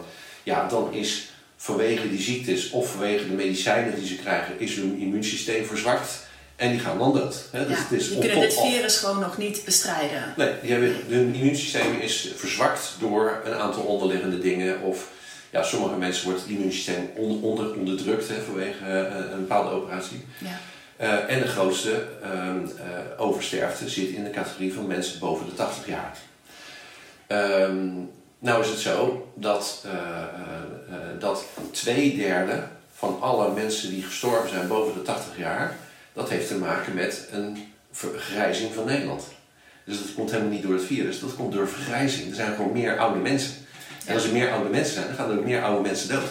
Maar dat is natuurlijk ook het feit dat je de cijfers in perspectief Ja, dat is wat ik steeds gepubliceerd heb. Gewoon, Ja. gewoon wetenschappelijk, gewoon feiten analyseren, wat is er aan de hand en zo. Ja. Ja, en als je het dan zo bekijkt, dan ja, het blijft natuurlijk een klote virus. eh, die, eh, eh, zeker als je, eh, en, en als je het krijgt, en ben je een paar dagen ziek en sommige mensen hebben restverschijnselen. Ik bedoel, ik ga het echt niet, onder, ik ga het echt niet onderschatten. Ik weet dat het echt vervelend is. Maar als je het weer eventjes van een afstandje bekijkt, ehm, ja, tot 65 jaar gaan er niet mensen, meer mensen dood. Eh, minder zelfs. Eh, van tussen 65 en 80 alleen mensen die al heel ziek zijn. Eh, en de mensen die heel oud zijn, die gaan een keer dood. Ja, dat gaat altijd zo. Hè? Dus, Ja. dus, dus vanuit daar vanuit gezien ehm, eh, is ja, de, eh, de, ja, de, de maatregelen die worden genomen, is dan wetenschappelijk niet helemaal goed begrijpen. Laat het zo zeggen, het, het virus helpt niet om te begrijpen wat gaande is. Moet ik het zo zeggen? Er is iets wat anders aan de hand. Ehm, nou, ik denk dat dat, ja, eh, sluit ik me helemaal bij aan. Ik denk dat in het begin dat ik ook meteen, mijn intuïtie zei meteen, dit, dit, dit, er zijn zoveel dingen die niet kloppen. En ik ben geen wetenschapper, maar ik denk dat elk weldenkend mens op zich van een afstandje kan kijken naar wat gebeurt er nu. Wat ik met name heel eh, lastig vind, en die discussie ga ik persoonlijk dus ook nooit aan, maar ik leg hem wel aan je voor, is ik begrijp wat jij zegt. Voor mij, eh, ik volg het. Ik eh, kan me daar dus volledig in vinden. En degene, dan krijg je heel snel terug vanuit de mensen, en ik noem eventjes de handen aan het bed. Mhm. Ga maar eens in mijn schoenen staan. Ja, Die krijgen we terug. Ik heb die mensen op de IC zien liggen. Ik heb gezien hoe Ja. ziek ze zijn. Ik heb de sterfte gezien. Ehm, de zorg is veel groter dan alleen de mensen die in het ziekenhuis op de IC werken. Ja. We, we hebben ook mensen gezien die zeggen: Ja, ik, ik, ik, werk op, ik, ik begeleid mensen die ik nu niet kan helpen. We, we hebben een hele grote deel van de zorg dat ook gewoon acht weken dicht is geweest. ja. Ehm, daar, daar wordt weinig over gesproken. Ehm, er wordt ook heel weinig gesproken over de reguliere zorg en de gevolgen van het, eh, het, het uitstellen van, van operaties, van Ja. behandelingen. Maar als we dan echt gaan kijken naar eh, hoe, hoe kun jij verklaren of kun jij vanuit jouw visie kijken van hoe komt het dat die mensen in de zorg ehm, zo eh, de beredenering hebben van ga maar eens in mijn schoenen staan. Nee, maar daar ben ik volkomen gelijk in. Eh, eh, ik vind het helder. Ja. Ik vind het echt helder. Zij hebben het gezien, Ja, ja, maar dat is natuurlijk een klein Ja. deel. ehm, en dat verspreidt zich een beetje. Ik, ik- naar mijn idee, misschien praat ik nu eventjes voor mijn beurt, maar ehm, in het begin hadden we dat iedereen wc-rollen ging kopen. Ja, En, en dat is ook een Mooi, beetje zo. Ja, toen dacht ik, wc-rollen? Ja. Waarom wc-rollen? ja, dat is die paniek. Mensen weten niet wat ze moeten doen. En dan is er iemand die zegt van wc-rol inslaan, dan gaat iedereen eens de wc-rol inslaan. Ja, Dat ja. is een beetje die massa, eh, dat, dat gevolg van, van massagedrag. Hè? Dat Ja. is wat gebeurt. En dat gaat heel snel. Ja, en, het was, ja, en dat geven ze aan. Hè? Dat is ook weer zo'n signaal die het dan oppakken. Ja. Eh, zo van, aha, er is dus iets van, ja, van een paniek is er gaande. Hè? Dat Ja. is gewoon een gevolg van paniek. Ja. Dus ik, ik, ik ga me niet ver- verdiepen in wc-rollen, maar ik, ik, ik- Nee, nee, ja. dus ik denk dat Wat paniek- gebeurt er? Ja, wat gebeurt. En dat is eigenlijk met, eh, denk ik, met eh, eh, de coronavirus ook. Het is een, ehm, eh, het is een indicatie dat we naar een andere maatschappij toe gaan. Elke keer als je naar een andere maatschappij, dan is er iets wat, dat, wat zeg maar net die vonk eh, in dat kruidvat eh, is. En dat de- in het virus zelf. Maar als je kijkt naar, naar gewoon de, de koele cijfers, ehm, hè, dan, eh, dan, is er, hè, dan is het niet zo erg wat mensen wordt verteld. Nou, Nee. eh, mensen in de zorg, ehm, ja, eh, ik denk, ik zou het niet kunnen. Laat ik er bij zeggen. Nee. Ik, ik, kan, ik kan niet tegen bloed, hè. Dus, eh, Oh. nee, nee, ik ben, ik ben, nee, daar kan ik niet zo goed tegen. Eh, dus eh, mijn, mijn vrouw wel, dus die kijkt dan naar, naar de televisie met een operatie en zo. En die vindt het geweldig en zo. Nou, ik, kan, ik, ik moet gelijk een wandelingetje gaan maken, maar ik kan er niet tegen. Eh, en, en ik denk dat, ja, dat- dat doen ze heel knap. Ik vind het echt fantastisch dat ze dat kunnen, maar ik zou het echt niet kunnen. Maar ehm, ja, dat denk ik toch weer, eventjes van een afstandje. Als mensen met corona daar zitten, vind ik het heel erg. Maar als ze tegen een boom zijn gereden, vind ik het ook heel erg. Ja. Als mensen borstkanker hebben, vind ik het ook heel erg. Ja. Als mensen botkanker hebben, vind ik het ook heel erg. Eh, weet, je wel, dus, dus eigenlijk alles wat er gebeurt, dat, dat vind ik heel knap wat ze doen. Ja. En daar is corona gewoon één van de elementen in. Ja. Dan weer eventjes naar de statistiek. Eh, er is altijd, als je kijkt naar ehm, eh, de vraag naar zorg, dan is dat cyclisch. Mhm. Als je bijvoorbeeld kijkt in 2018, eh, was er een, een griepjaar. Hè? 2019 was een, griepjaar. een flink griepjaar, Ja. zeker. Ja. Toen was er ook een tekort aan capaciteit. Ja. Toen zijn er ook mensen overleden aan, aan griep, aan de gevolgen van griep althans. Dat waren eigenlijk dezelfde categorieën als eh, die ik net heb eh, genoemd van corona, dat is niet zo'n groot verschil. Ehm, maar toen, en eigenlijk wat je, wat je moet doen, is een, een capaciteit in de zorg zo maken eh, dat je niet alleen maar de ondergrens hebt, zeg maar de, meest, de ondergrens van wat mensen nodig hebben, maar je, moet, je weet gewoon van tevoren, de, er komen jaren en dan is er een, een of ander soort virus en dan heb je een grotere capaciteit nodig. Ja. En, en als je te weinig capaciteit hebt, als je dus niet investeert in de capaciteit, waarbij je rekening houdt met een een of ander soort virusgolf, dan weet je van tevoren dat er een capaciteitsprobleem gaat ontstaan. Ja. En dus eigenlijk vanuit, vanuit de beleidsmakers, als zij een, eh, een capaciteit maken die gebaseerd is op de minimale bezetting, eh, dat, dat vind ik verkeerd beleid. Want je weet van tevoren dat het fout gaat lopen. Ja. Nou, en dat is ontzettend vervelend voor de mensen in de zorg zelf, want er is geen capaciteit. En, en- Zij zijn eigenlijk het dupe van het. ja, zij, dat vind ik wel. Eh, en, en, en vaak is het nog niet eens de capaciteit aan bedden en ICT, maar is meer de capaciteit aan mensen. Ja, dat wordt nu ook gezegd, hè? Ja, dat, ja. Daar, daar zit een grote capaciteitsprobleem. En eh, ja, door mijn, eh, door mijn ja, filmpjes en, en publicaties en zo, word ik door heel veel artsen gebeld. Ik krijg, ik krijg zoveel berichten van, van, van mensen in de zorg. En die zeggen ook van ja, weet je, dan, eh, word je ge- hè, dan krijg je een positieve eh, test. Ja, dan mag je niet naar het ziekenhuis toe. Ja, dan is er dus een onderbezetting in het ziekenhuis. Ja. Eh, nou, wat zegt die test? Ja, dan komt mijn wetenschapper weer naar boven. Eh, niet zoveel eigenlijk, hè, want die test is onbetrouwbaar. Hè? Dat is een hele, hele hoog eh false positives. Dus het hele ziekenhuis is leeg, is geen capaciteit vanwege een verkeerde test. Eh, nou, enzovoort. Nou, dan weet je dus. Dat is wel gek, hè?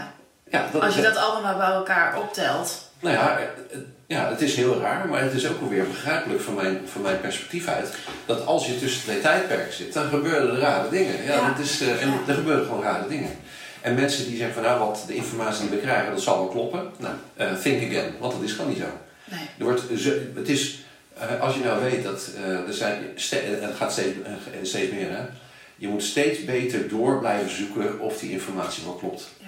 er is zoveel deepfakes. Er zijn, er zijn zoveel informatie die, ja, die, die, dat, wat gewoon niet waar is, uh, wat verzonnen wordt. Zo. Het, het, wordt steeds moeilijker om te achterhalen wat, uh, wat nou echt is.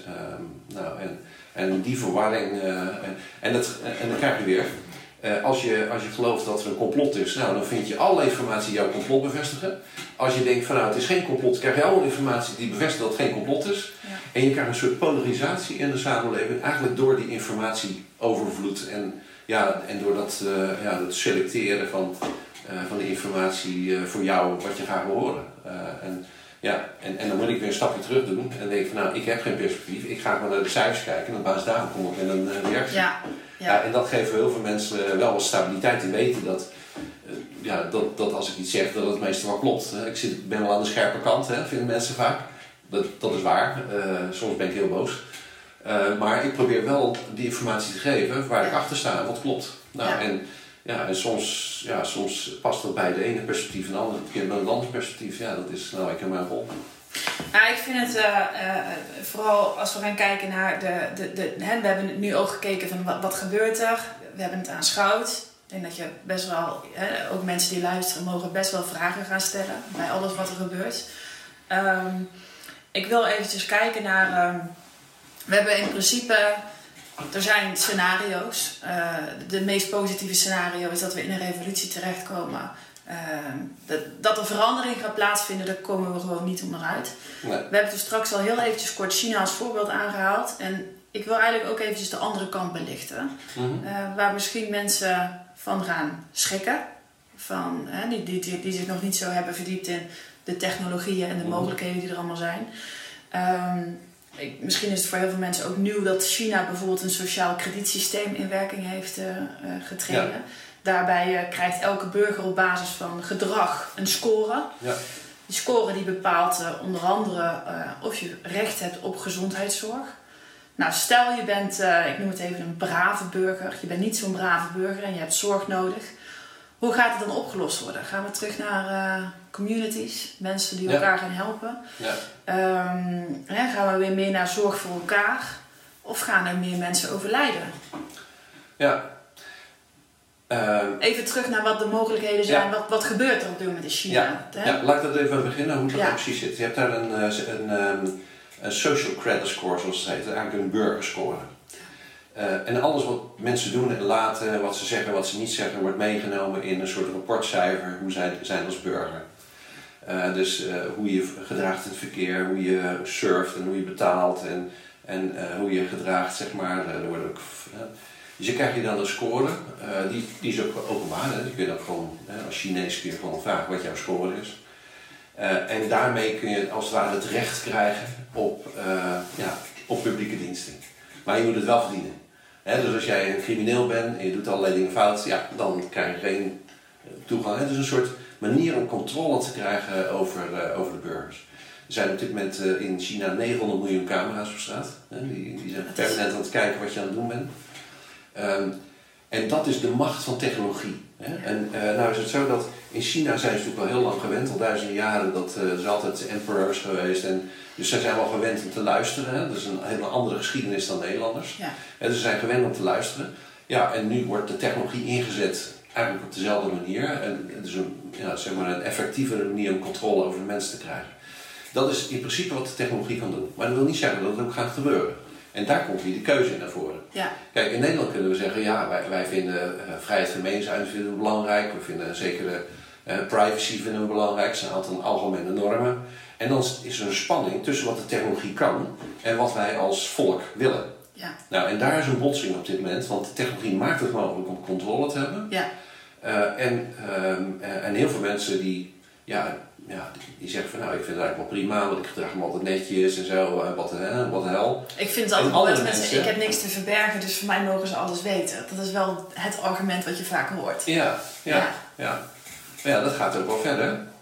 Ja. Want dan krijgen ze echt permanent controle over, uh, over mensen. En, ja, we hebben natuurlijk ja, we hebben in de democratie zijn we dat het iets van een vrijheid voor het individu is. Uh, en dat mensen zelf beslissingsrecht hebben. En, ja, en dat wordt, uh, dus dat zijn van die ethische vragen die eraan zitten komen. Willen we dat dan wel? Willen we zo'n maatschappij? Technologisch kan het. Er zijn ook partijen die hebben er belang bij, want dan weten ze alles over jou uh, en dan kunnen ze je alles laten doen, word je gemanipuleerd met informatie en zo. Ja. Uh, maar willen we dat wel? En dat zijn natuurlijk de grote vragen. Hoe ziet die maatschappij in de toekomst eruit? En hoeveel vrijheid willen we aan de mensen geven? En hoeveel, ja, wat willen we eigenlijk niet? En dat soort ethische vragen, dat is, die staan nu natuurlijk, ja, die staan nog niet op de agenda, maar die zouden op de agenda moeten staan. Ik vraag me nou wel af, um, wij hebben dit gesprek, wij gaan dit delen. Uh, in de hoop dat veel mensen dit gaan luisteren en, en daar een stukje bewustwording in vinden. Mm -hmm. Is dit geen. Um, hè, we, hebben een, we hebben een samenspel tussen de democratie, onze landleiders en de, de big tech, de, de wereldleiders. Um, in principe mogen wij van onze landleiders verwachten dat zij ons informeren en bewustwording geven van hé, hey, waar, waar bevinden we ons nu? Mm-hmm. Mogen we dat verwachten van ons kabinet? Dat zij aan ons gaan delen van God, dit is de technologie die het mogelijk maakt om hier naartoe te gaan. Wij als landleiders willen dat liever niet, want wij willen de democratie graag in stand houden. Um, gaan we daar naartoe? Of, of is het de bedoeling dat de burger zelf wakker wordt? Nou, ik denk dat het een. Uh, uh, ik denk dat het voor een kabinet heel moeilijk is op dit moment. Ja. Want het grote spel wordt op wereldschaal gespeeld, hè, daar hebben we het net, uh, we net over gehad. Ja. Um, en dan heb je burgers die een keuze maken en je zit er ergens tussen. En je bent, uh, je bent leider van een land, maar landsgrenzen, uh, ja, dat wordt steeds minder relevant. Ja. En net als dat vroeger, in het feodale tijdperk, had je de landeigenaren. En die werden steeds minder relevant, hè, die werden steeds minder machtig. Ja, dat waren zo ongeveer de laatste die zagen dat het anders ging. Hè. Dus uh, toen was de maatschappij lang veranderd. Toen dachten die landeigenaren nog steeds dat, dat het allemaal om hun ging. Hè? Dat, uh, dus, dus de huidige machthebbers zijn altijd de laatste die het zien en de laatste die er belang bij hebben om het te, om te zien. En dat is nu ook zo. Het, het landniveau wordt steeds minder belangrijk. we zijn gewend dat landen soeverein zijn en een keus kunnen maken. Maar wat ik al zei, de grote vragen die spelen helemaal niet op landniveau, die worden ergens anders gemaakt ja, welke keuzes mag je nou wel nemen op landniveau? Uh, en, uh, en wat je dan ziet is dat een aantal van die uh, vraagstukken die gaan naar globaal toe. Mm -hmm. En een aantal andere vraagstukken gaan naar regionaal toe. En dus de, de regio? Ja, de regio's worden weer belangrijker. en ehm, dus je krijgt, ik noem dat ook local citizens. Dus elke burger die zit enerzijds in de wereld, de informatie van de hele wereld, en anderzijds in je eigen regio. Dat is dus, je zit globaal en lokaal. Dat, dus dat zijn de twee, uh, dat zijn de twee niveaus die een rol gaan spelen. Mhm. Eigenlijk voor alles wat je nodig hebt. Uh, je eten, drinken, energie, sociale activiteiten, scholing, gezondheidszorg. Dat wordt allemaal steeds meer regionaal. En, en, dat zie je ook ontstaan. wij zijn betrokken bij een aantal van die regionale initiatieven. bijvoorbeeld Zwolle. Ehm, uh, je hebt daar een economische ja, soort regio Zwolle. Uh, nou, dan zie je het alweer. Hè? Het gaat niet om een stad, het gaat om de regio Zwolle. Ja. We zijn ook betrokken bij bijvoorbeeld um, Vitaal Wegwal. ook zo'n dat is ook een regio met, waarbij het meer over de integrale gezondheidszorg gaat. Hè? Gezondheid, moet ik zelf maar zeggen. Um, inclusief vitaliteit, inclusief bewegen en eten en niet roken. Het is meer een integrale. En dat zit op regioniveau. Dus je ziet zo langzamerhand dat het landsniveau steeds minder belangrijk wordt. Het wordt allemaal steeds meer regio, dus naar beneden. En het gaat globaal naar boven. En dan zit je ertussen en dan moet je grote besluiten nemen. Nou, wat gebeurt er dan? Die zitten gewoon klem. Dus zij kunnen niet iets doen wat de WO niet mee eens is. Dat gaat gewoon niet, want ze zijn, hè, die zijn veel machtiger dan zij. En de WHO stuurt op dit moment de pandemie aan, om het zo maar te noemen. De, de nou, dat is, dat is de partij die op wereldschaal, zeg maar, um, uh, een rol heeft. In advisering. Uh, ja, ja en, en de analyses doet en zo. En ja, daar, daar wordt dan naar geluisterd. Uh, en, en daar zie je ook weer zo'n spanning. Hè? In hoeverre kun je dat wel vertrouwen, in hoeverre moet je het zelf kijken. Ja, dat is toch een verschil. En wat ik al zei, de cijfers die WO vertelde, die klopten niet. Hè? Dat, dat bleek heel anders te zijn, dat heb ik toegegeven overigens. Ja. Um, Inmiddels ja. is ook uh, een van dus ja. de, de PCR-tests dat nu ook naar buiten gebracht. Hè? Dat daar, uh, dat ja, dat, een, uh, ja, hetzelfde paper van Marion Koopmans ja. wordt misschien teruggetrokken, hè, waar dat hele beleid op gebaseerd is. En dat vind ik op zich wel weer. daarom stel ik ook die vraag van mogen wij van onze, wereld, onze landleiders verwachten dat zij ook kritisch zijn naar bijvoorbeeld een WHO. Want 25 wetenschappers die hè, ook vragen stellen, onderzoek doen. Ehm, daar, daar moet je wel naar luisteren. Ehm, en dan nu wordt die PCR-test aan de ene kant, nou ik noem het even, onderuit gehaald. Ehm, en aan de andere kant zie ik berichten van, van onze minister. We gaan nog meer XL-teststraten, nog meer testcapaciteit. Meer controle. Meer controle op testen. Um, nou, je moet je realiseren dat het kabinet hè, en de manier waarop we nu stemmen, hè, dat uh, eens per vier gaan we de stembus, kiezen we links en rechts, hè, arm kapitaal. is dat een onderdeel van de revolutie waar we niet voor staan? Dat is het eind van het initiële tijdperk. Dus we zitten met een manier van besluiten nemen, ja. wat niet te maken heeft met de toekomst, maar het heeft te maken met hoe we in het verleden dit soort besluiten namen. Dus wij zitten met een besluitvormingsstructuur in Den Haag wat niet meer klopt met de realiteit. Uh, en je ziet dan ook dat er is ook, ook wel behoorlijk wat discussie binnen het kabinet. Er is ook heel veel gerommeld zeg maar, in de Tweede Kamer. Um, het zijn allemaal, ja, heel veel daarvan zijn toch nog onderdeel van, het oude, van de oude wereld. Hè. Die, ja, die denken nog steeds dat ze daar machtig zijn, hè. dat het al lang niet meer zo is. Maar je ziet dus ook dat er allerlei nieuwe partijen komen.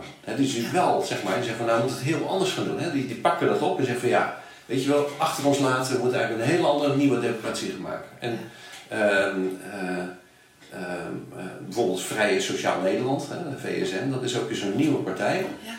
Uh, en die zegt directe democratie. Ja, dat is ook logisch, want je kunt ook met deze technologie, kun je ook een directe democratie gaan doen. We hebben allemaal een smartphone. Uh, en als we het goed beveiligen, en dan kunnen we vragen van nou, uh, gaan we deze weg aanleggen of niet, of, of welk onderwerp dan ook. Nou, en, en je wil meedoen, nou dan stem je mee en dan krijg je wat wij noemen de wisdom of the crowd. Hè. Dat is een wetenschappelijke term, maar dat betekent dat, dat we als groep wijzer zijn dan elk individu. Dus je kunt ook directe democratie, technisch is dat mogelijk. Het is waarschijnlijk ook een betere vorm van democratie voor de tijd waar we, waar we nu in zitten, hè, die er tegemoet gaan. Ja. Nou, en de oude partijen die houden dat tegen. Hè? Die houden zelfs referenda tegen. Hè? Ja. Oeh, Hè? Wat, wat vindt de burger ervan? Hè? Nou, laten we dat maar afschaffen. Dus je ziet dat ze daar in de weerstand zitten, terwijl het onoverkomelijk is. Het gaat gewoon gebeuren. De vraag is, gaat het evolutionair of gaat het revolutionair? En hoe meer je aan de oude wereld vasthoudt, hoe groter de kans dat er een revolutie gaat worden. En daarom wil ik En die gaat minder uh, soepel. Ja, ja, en dan, gaat, ja dan, dan, dan, dan gaat er echt een botsing komen tussen oud en nieuw. En uh, uh, vandaar dat ik, ik wil liever een evolutie. Dus ik probeer zoveel mogelijk mensen te, ja, te informeren met deze podcast op alle andere manieren, weltschmerz en, en documentaires en zo. Om mensen bewust te maken dat we in een overgang zitten. En om mensen mee te bewegen naar die nieuwe wereld toe. Ja, Want hoe meer mensen dat doen, hoe groter de kans dat het evolutionair gaat. Dat het soepel gaat. Want we zitten sowieso in die overgang. Nou, en er zijn natuurlijk partijen die willen dat niet, die houden het tegen. Dat is altijd natuurlijk met een overgang. Dat is altijd zijn, zo. Uh, dat is altijd zo. Dat is altijd, altijd zo gegaan. En wat ik al zei, die landeigenaar die zei echt niet van, uh, nou, uh, we hebben 3.500 jaar zijn we de baas geweest, en nou is het mooi geweest. Nee, nee die proberen natuurlijk zo lang mogelijk ja, maar dat, dat, zien we natuurlijk nu ook heel erg. We hebben de afgelopen eeuw zijn de boeren heel belangrijk geweest. En die hebben het wel heel, steeds moeilijker gekregen. Um, en daar zal ook het een en ander aan gaan veranderen. Ja. Um, wellicht uh, voor hun juist ten goede ja. als we weer regionaal uh, ja. wat meer dingen gaan organiseren. Zeker. Maar zij hebben natuurlijk best wel te lijden gehad Zeker. over uh, de overgang, de aanloop na de overgang toe. Ja. ik hoop dat het voor hun uiteindelijk dus ook een positieve. Ja, kijk, boer, kijk, bij boeren is het, is het zo. ook, in, ook in de landbouw is er ook een industrialisatie plaatsgevonden, hè? ook in het initiële tijdperk. Uh, massa. Dus we gingen allemaal uh, uh, sla maken, die gingen de hele wereld overvliegen en weet je wel, en bloemen. En dat was ja, dus die standaardisatie, massaproductie, hè, dat hoorde bij de industrialisatie. En er was een grote afstand tussen, en, en wat er ook bij kwam, is dat heel veel bedrijven erin zaten voor kunstmest. Uh, dus echt die grote, grote bedrijven die erin zaten, die steeds, steeds machtiger. Die haalden het grootste deel van de winst weg en die boeren hadden het moeilijker. Dat, dat, is, dat, dat ging veranderen. Um, als we nou teruggaan naar het regionaal, in principe kan dat ook. Hè. Met die nieuwe technologie uh, kunnen we het ook regionaal gaan produceren. We hoeven niet meer een massa te gaan produceren. We kunnen in feite in de regio alles produceren wat we nodig hebben. Daar kunnen boeren een rol in spelen. Ja. En vroeger was de afstand tussen de boer en de consument heel groot. Ze niet dat meer, uit. hè? Maar dat is niet meer.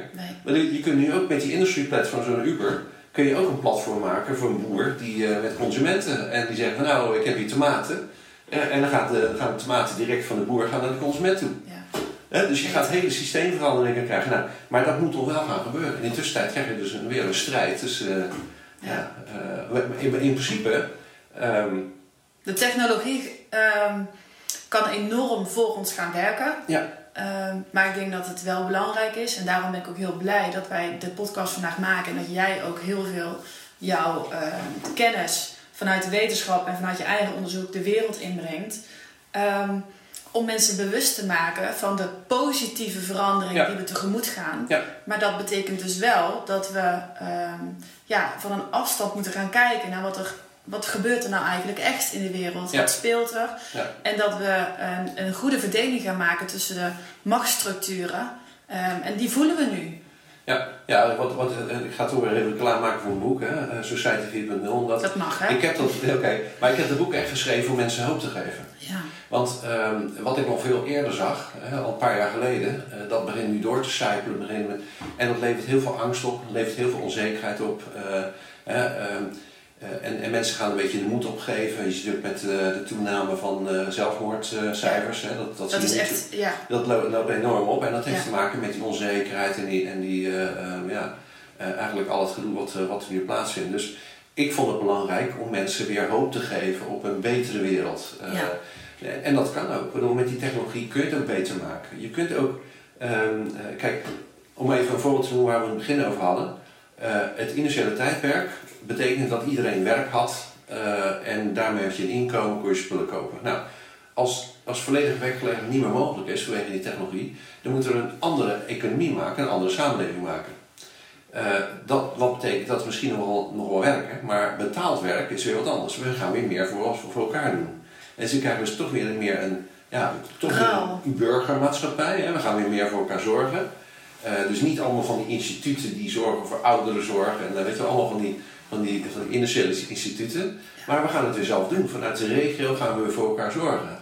Ehm, ja, ook weer een technologie, je kunt eh, met een, eh, met een blockchain technologie kun je ook een lokale munt maken. Waarin je, eh, eh, en, eh, waar, waar je gewoon diensten uitruilt. Hè. Dan kun je gewoon een lokaal muntje heb je dan. Ja. Eh, en de ene die doet de boodschappen voor, eh, voor een oudere mevrouw en de ander doet eh autowassen. Eh, dat doe je dan, en dat ruil je dan met elkaar. Hè. Dan maak je ook een regionale economie. eh, kun je maken. Ehm, je hoeft niet meer volledig te werken, ehm, maar je hebt meer vrije tijd. Je kunt ook meer voor andere mensen zorgen. Waar 70% van die mensen wordt gelukkig met anderen helpen, hè, bijvoorbeeld. Ja. Dus als we dat kunnen faciliteren, dan kunnen we met die technologieën kunnen we eigenlijk een veel betere wereld maken. En een schonere wereld, om het Ja. zo te noemen. Eh, dus dat maakt het mogelijk. Maar dan moet je wel ja, die hoop hebben eh, en, en, Dat het goed komt. en, en dat positieve vertrouwen dat de goede kant op gaat. En dat moet ook echt wel de goede kant op gaan. Hè? En we zijn als mens zijn natuurlijk belangrijk genoeg om daar invloed op uit te oefenen. Ja, en als iedereen opstaat, eh, Ja. als, we, als we met z'n allen zeggen, dames en heren, eh, dit gedoe, we willen het niet meer, we willen, het, we willen toch weer een betere manier van leven, we willen meer controle over ons leven, we willen het gewoon zelf kunnen bepalen, we gaan weer voor elkaar zorgen, we gaan die technologie wel inzetten en dat willen we niet. Ja. Ja, in, in, in principe kunnen we een betere wereld maken. Ja, met z'n allen. Maar dat moeten we wel met z'n allen doen. En dat moeten we niet naar Haag gaan kijken, want daar gaat het niet vandaan komen. Nee, Want dat is, dat is oud denken. Dat is, dat is de, dat daar is moeten de, we gewoon afscheid van nemen. dat is de vorige eeuw, weet je wel, Ja. we moeten gewoon afscheid van nemen. Hup, klaar, jullie hebben je tijd gehad, wegwezen. Ja, En we gaan nu een betere maatschappij maken. En nou, er horen dus hele nieuwe maatschappijenrichting bij.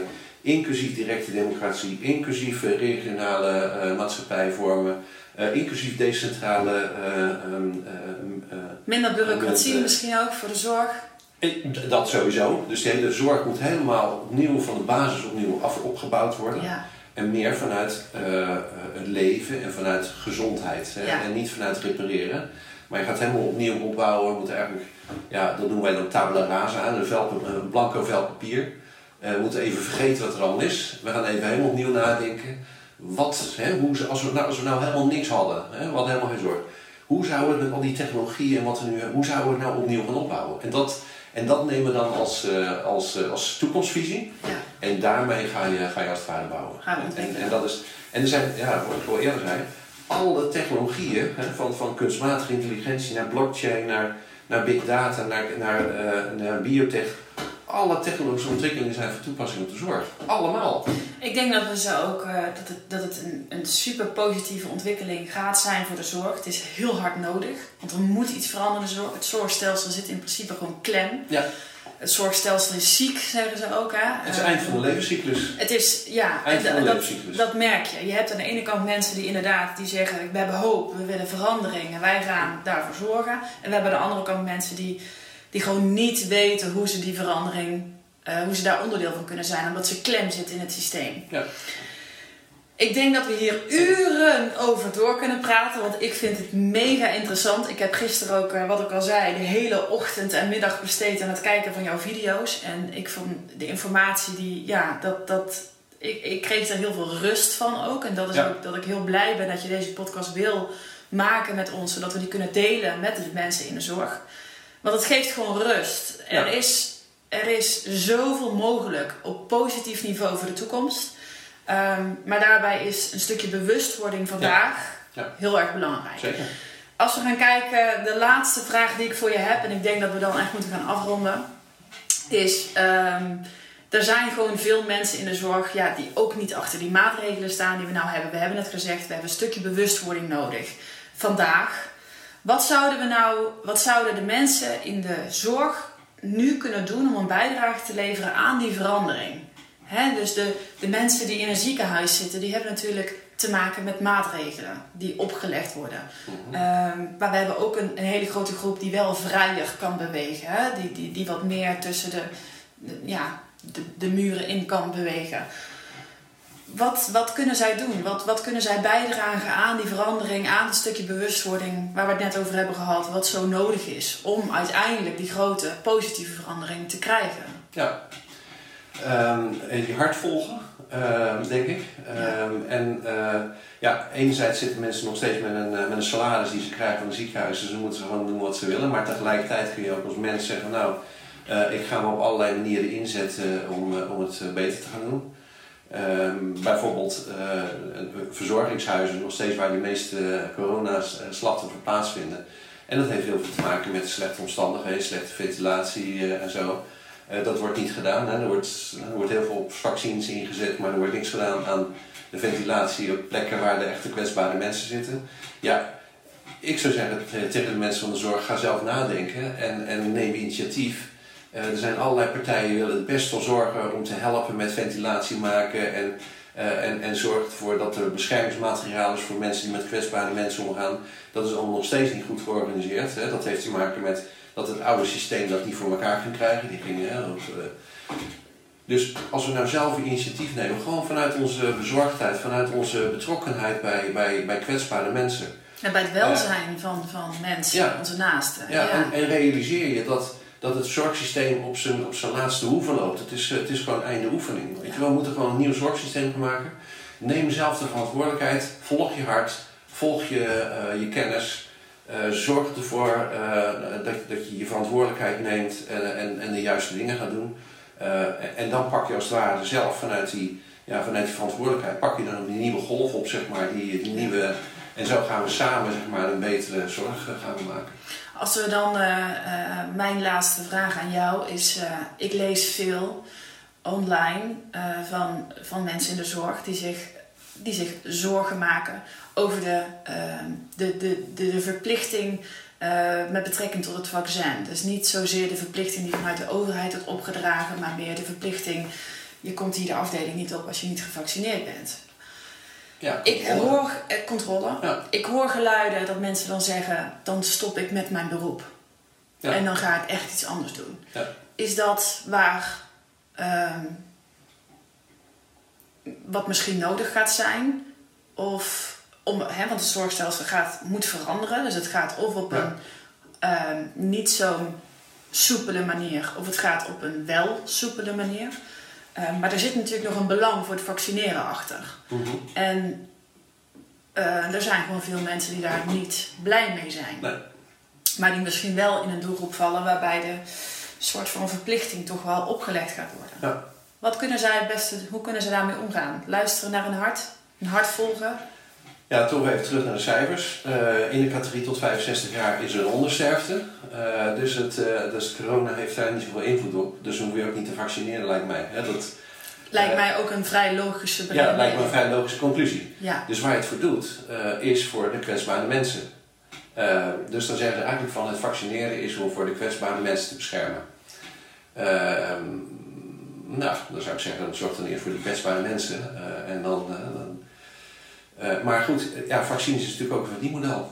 Ja. En dat hebben we wel vaker gehad. Uh, en, en ook hier geldt weer geen goed en slecht. Hè, want er zijn natuurlijk een aantal vaccins, uh, zoals polio en zo. Dat, dat heeft gewoon echt een gezondheidsverbetering ge, tot stand gebracht. Ja. Maar er zijn natuurlijk ook voorbeelden geweest van vaccins die nu gewoon niet gewerkt hebben. Hè. Als je de, de, de, beroemde Mexicaanse griep met, met het hele vaccineren en zo. Nou, dat is een, een verschrikkelijk drama geweest.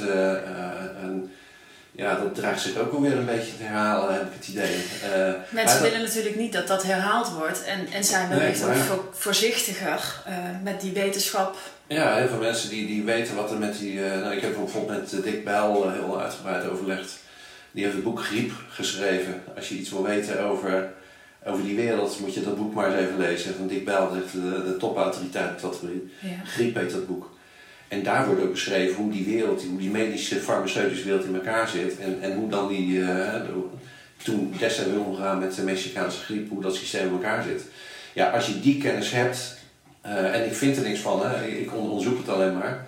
Ik nou, ik zou ook een beetje voorzichtig zijn met uh, vaccineren. Ik geloof niet dat ik het zelf zou willen doen. Hè? Dus iedereen moet zijn eigen keuze maken. Dat bedoelt ieder van zijn eigen afweging. Als je denkt, als je denkt dat je er veilig bij voelt, vooral doen. Um, uh, ik zou het zelf niet doen. Uh, ik zie het niet in de, in de risicogroep, uh, dus ik heb er geen voordeel bij. Nee. het kost wel heel veel geld. En als dan kan ik net zeggen, ja, als je geen vaccinatie hebt, dan mag je niet naar het museum toe. Nou, dan weet je natuurlijk wat erachter zit. Het heeft helemaal niks met het virus te maken. Nee, dat heeft ja. te maken met, nogmaals, die wereld waar we in zitten, die Ja. overgangswereld.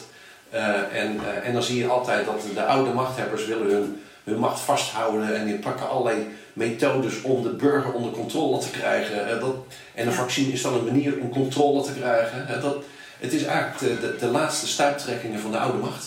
Zo moet je het zien. En het heeft niks met virus te maken. Ja, ik vind het, eh, ja, ik, ik, ik, ehm, ehm, eh, als ik in het dagelijks leven kijk, dan hebben we sinds eh, afgelopen dinsdag een mondkapjesverplichting waarbij twee groepen een uitzondering hebben. Ja. Ehm, en eh, volgens mij mag iedereen zich beroepen op die twee uitzonderingen. Ja. Eh, want als jij ernstig ontregeld wordt door het dragen van een mondkapje, dan hoef jij hem in principe niet te dragen.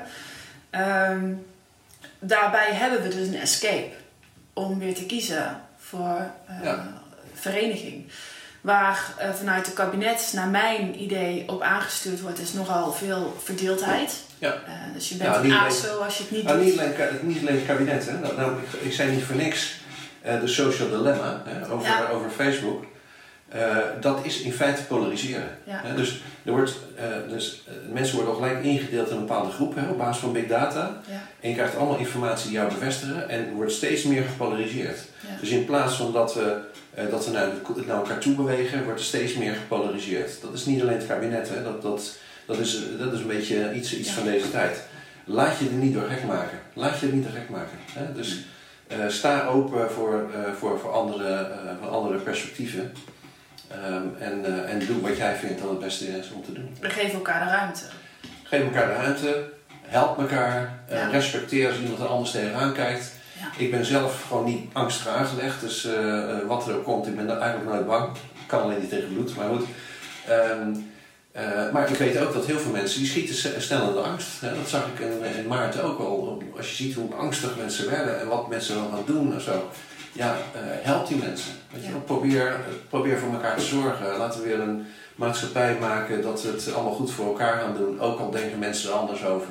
Heb daar respect voor en, en laten we weer met z'n allen een mooie maatschappij gaan maken. Want de- deze gepolariseerde informatie, ehm, Daar willen we niet op verder borduren. toch? daar willen we niet verder op duren. Dat, eh, ik denk dat dat gewoon niet goed is. Eh, sommige partijen zullen het waarschijnlijk heel fijn vinden, maar ik denk voor de meeste mensen niet zo fijn is. Nee. Dus eh, dat moeten we gewoon niet doen. Laten we allemaal een initiatief nemen om een betere maatschappij te maken en dan Met elkaar. met elkaar. Ja. Echt weer als burgers met elkaar, laten we elkaar een, een nieuwe maatschappij bouwen, elkaar helpen. En dan, dan kan het in principe kunnen we een betere wereld maken. Ik vind het een perfecte afsluiting van deze podcast. Ik, uh, ik heb weer heel veel inzichten gekregen. Uh, ik, ik vind je input uh, heel waardevol. Ik wil je daarvoor bedanken. Graag gedaan. Ik hoop ook dat de luisteraars hier wellicht een openere kijk hebben gekregen naar de, waar we nu ons in bevinden. Hoe de wereld um, op dit moment ja, in elkaar zit. Waar we op dit moment mee te maken hebben. En laten we met z'n allen inderdaad uh, gewoon met elkaar open daarnaar kijken. En, uh, ja. Ik wil je heel erg bedanken voor jouw input, voor jouw gesprek vandaag. Ik wil ook de luisteraar heel erg bedanken voor het uh, luisteren naar deze podcast. Um, heb je collega's, vrienden, naasten waarvan je denkt die moeten deze podcast zeker luisteren, dan wil ik je vragen of je deze podcast ook wilt delen. Uh, online mag dat natuurlijk ook. Maar voor nu heel erg bedankt voor het luisteren en uh, tot de volgende podcast. Bedankt voor het luisteren naar de Zorg voor ZZP podcast. Dit was de podcast voor deze week. Ik vond het super leuk dat jij erbij was. De komende week staat er weer een nieuwe podcast voor je online met daarin uiteraard weer een nieuw en inspirerend verhaal. Mocht je het leuk vinden, dan vind ik het natuurlijk heel erg fijn als je deze podcast wilt delen met de mensen om jou heen die net als jij werkzaam zijn in de zorg, ondernemer zijn en continu op zoek zijn naar groei en verbetering. Tot de volgende keer.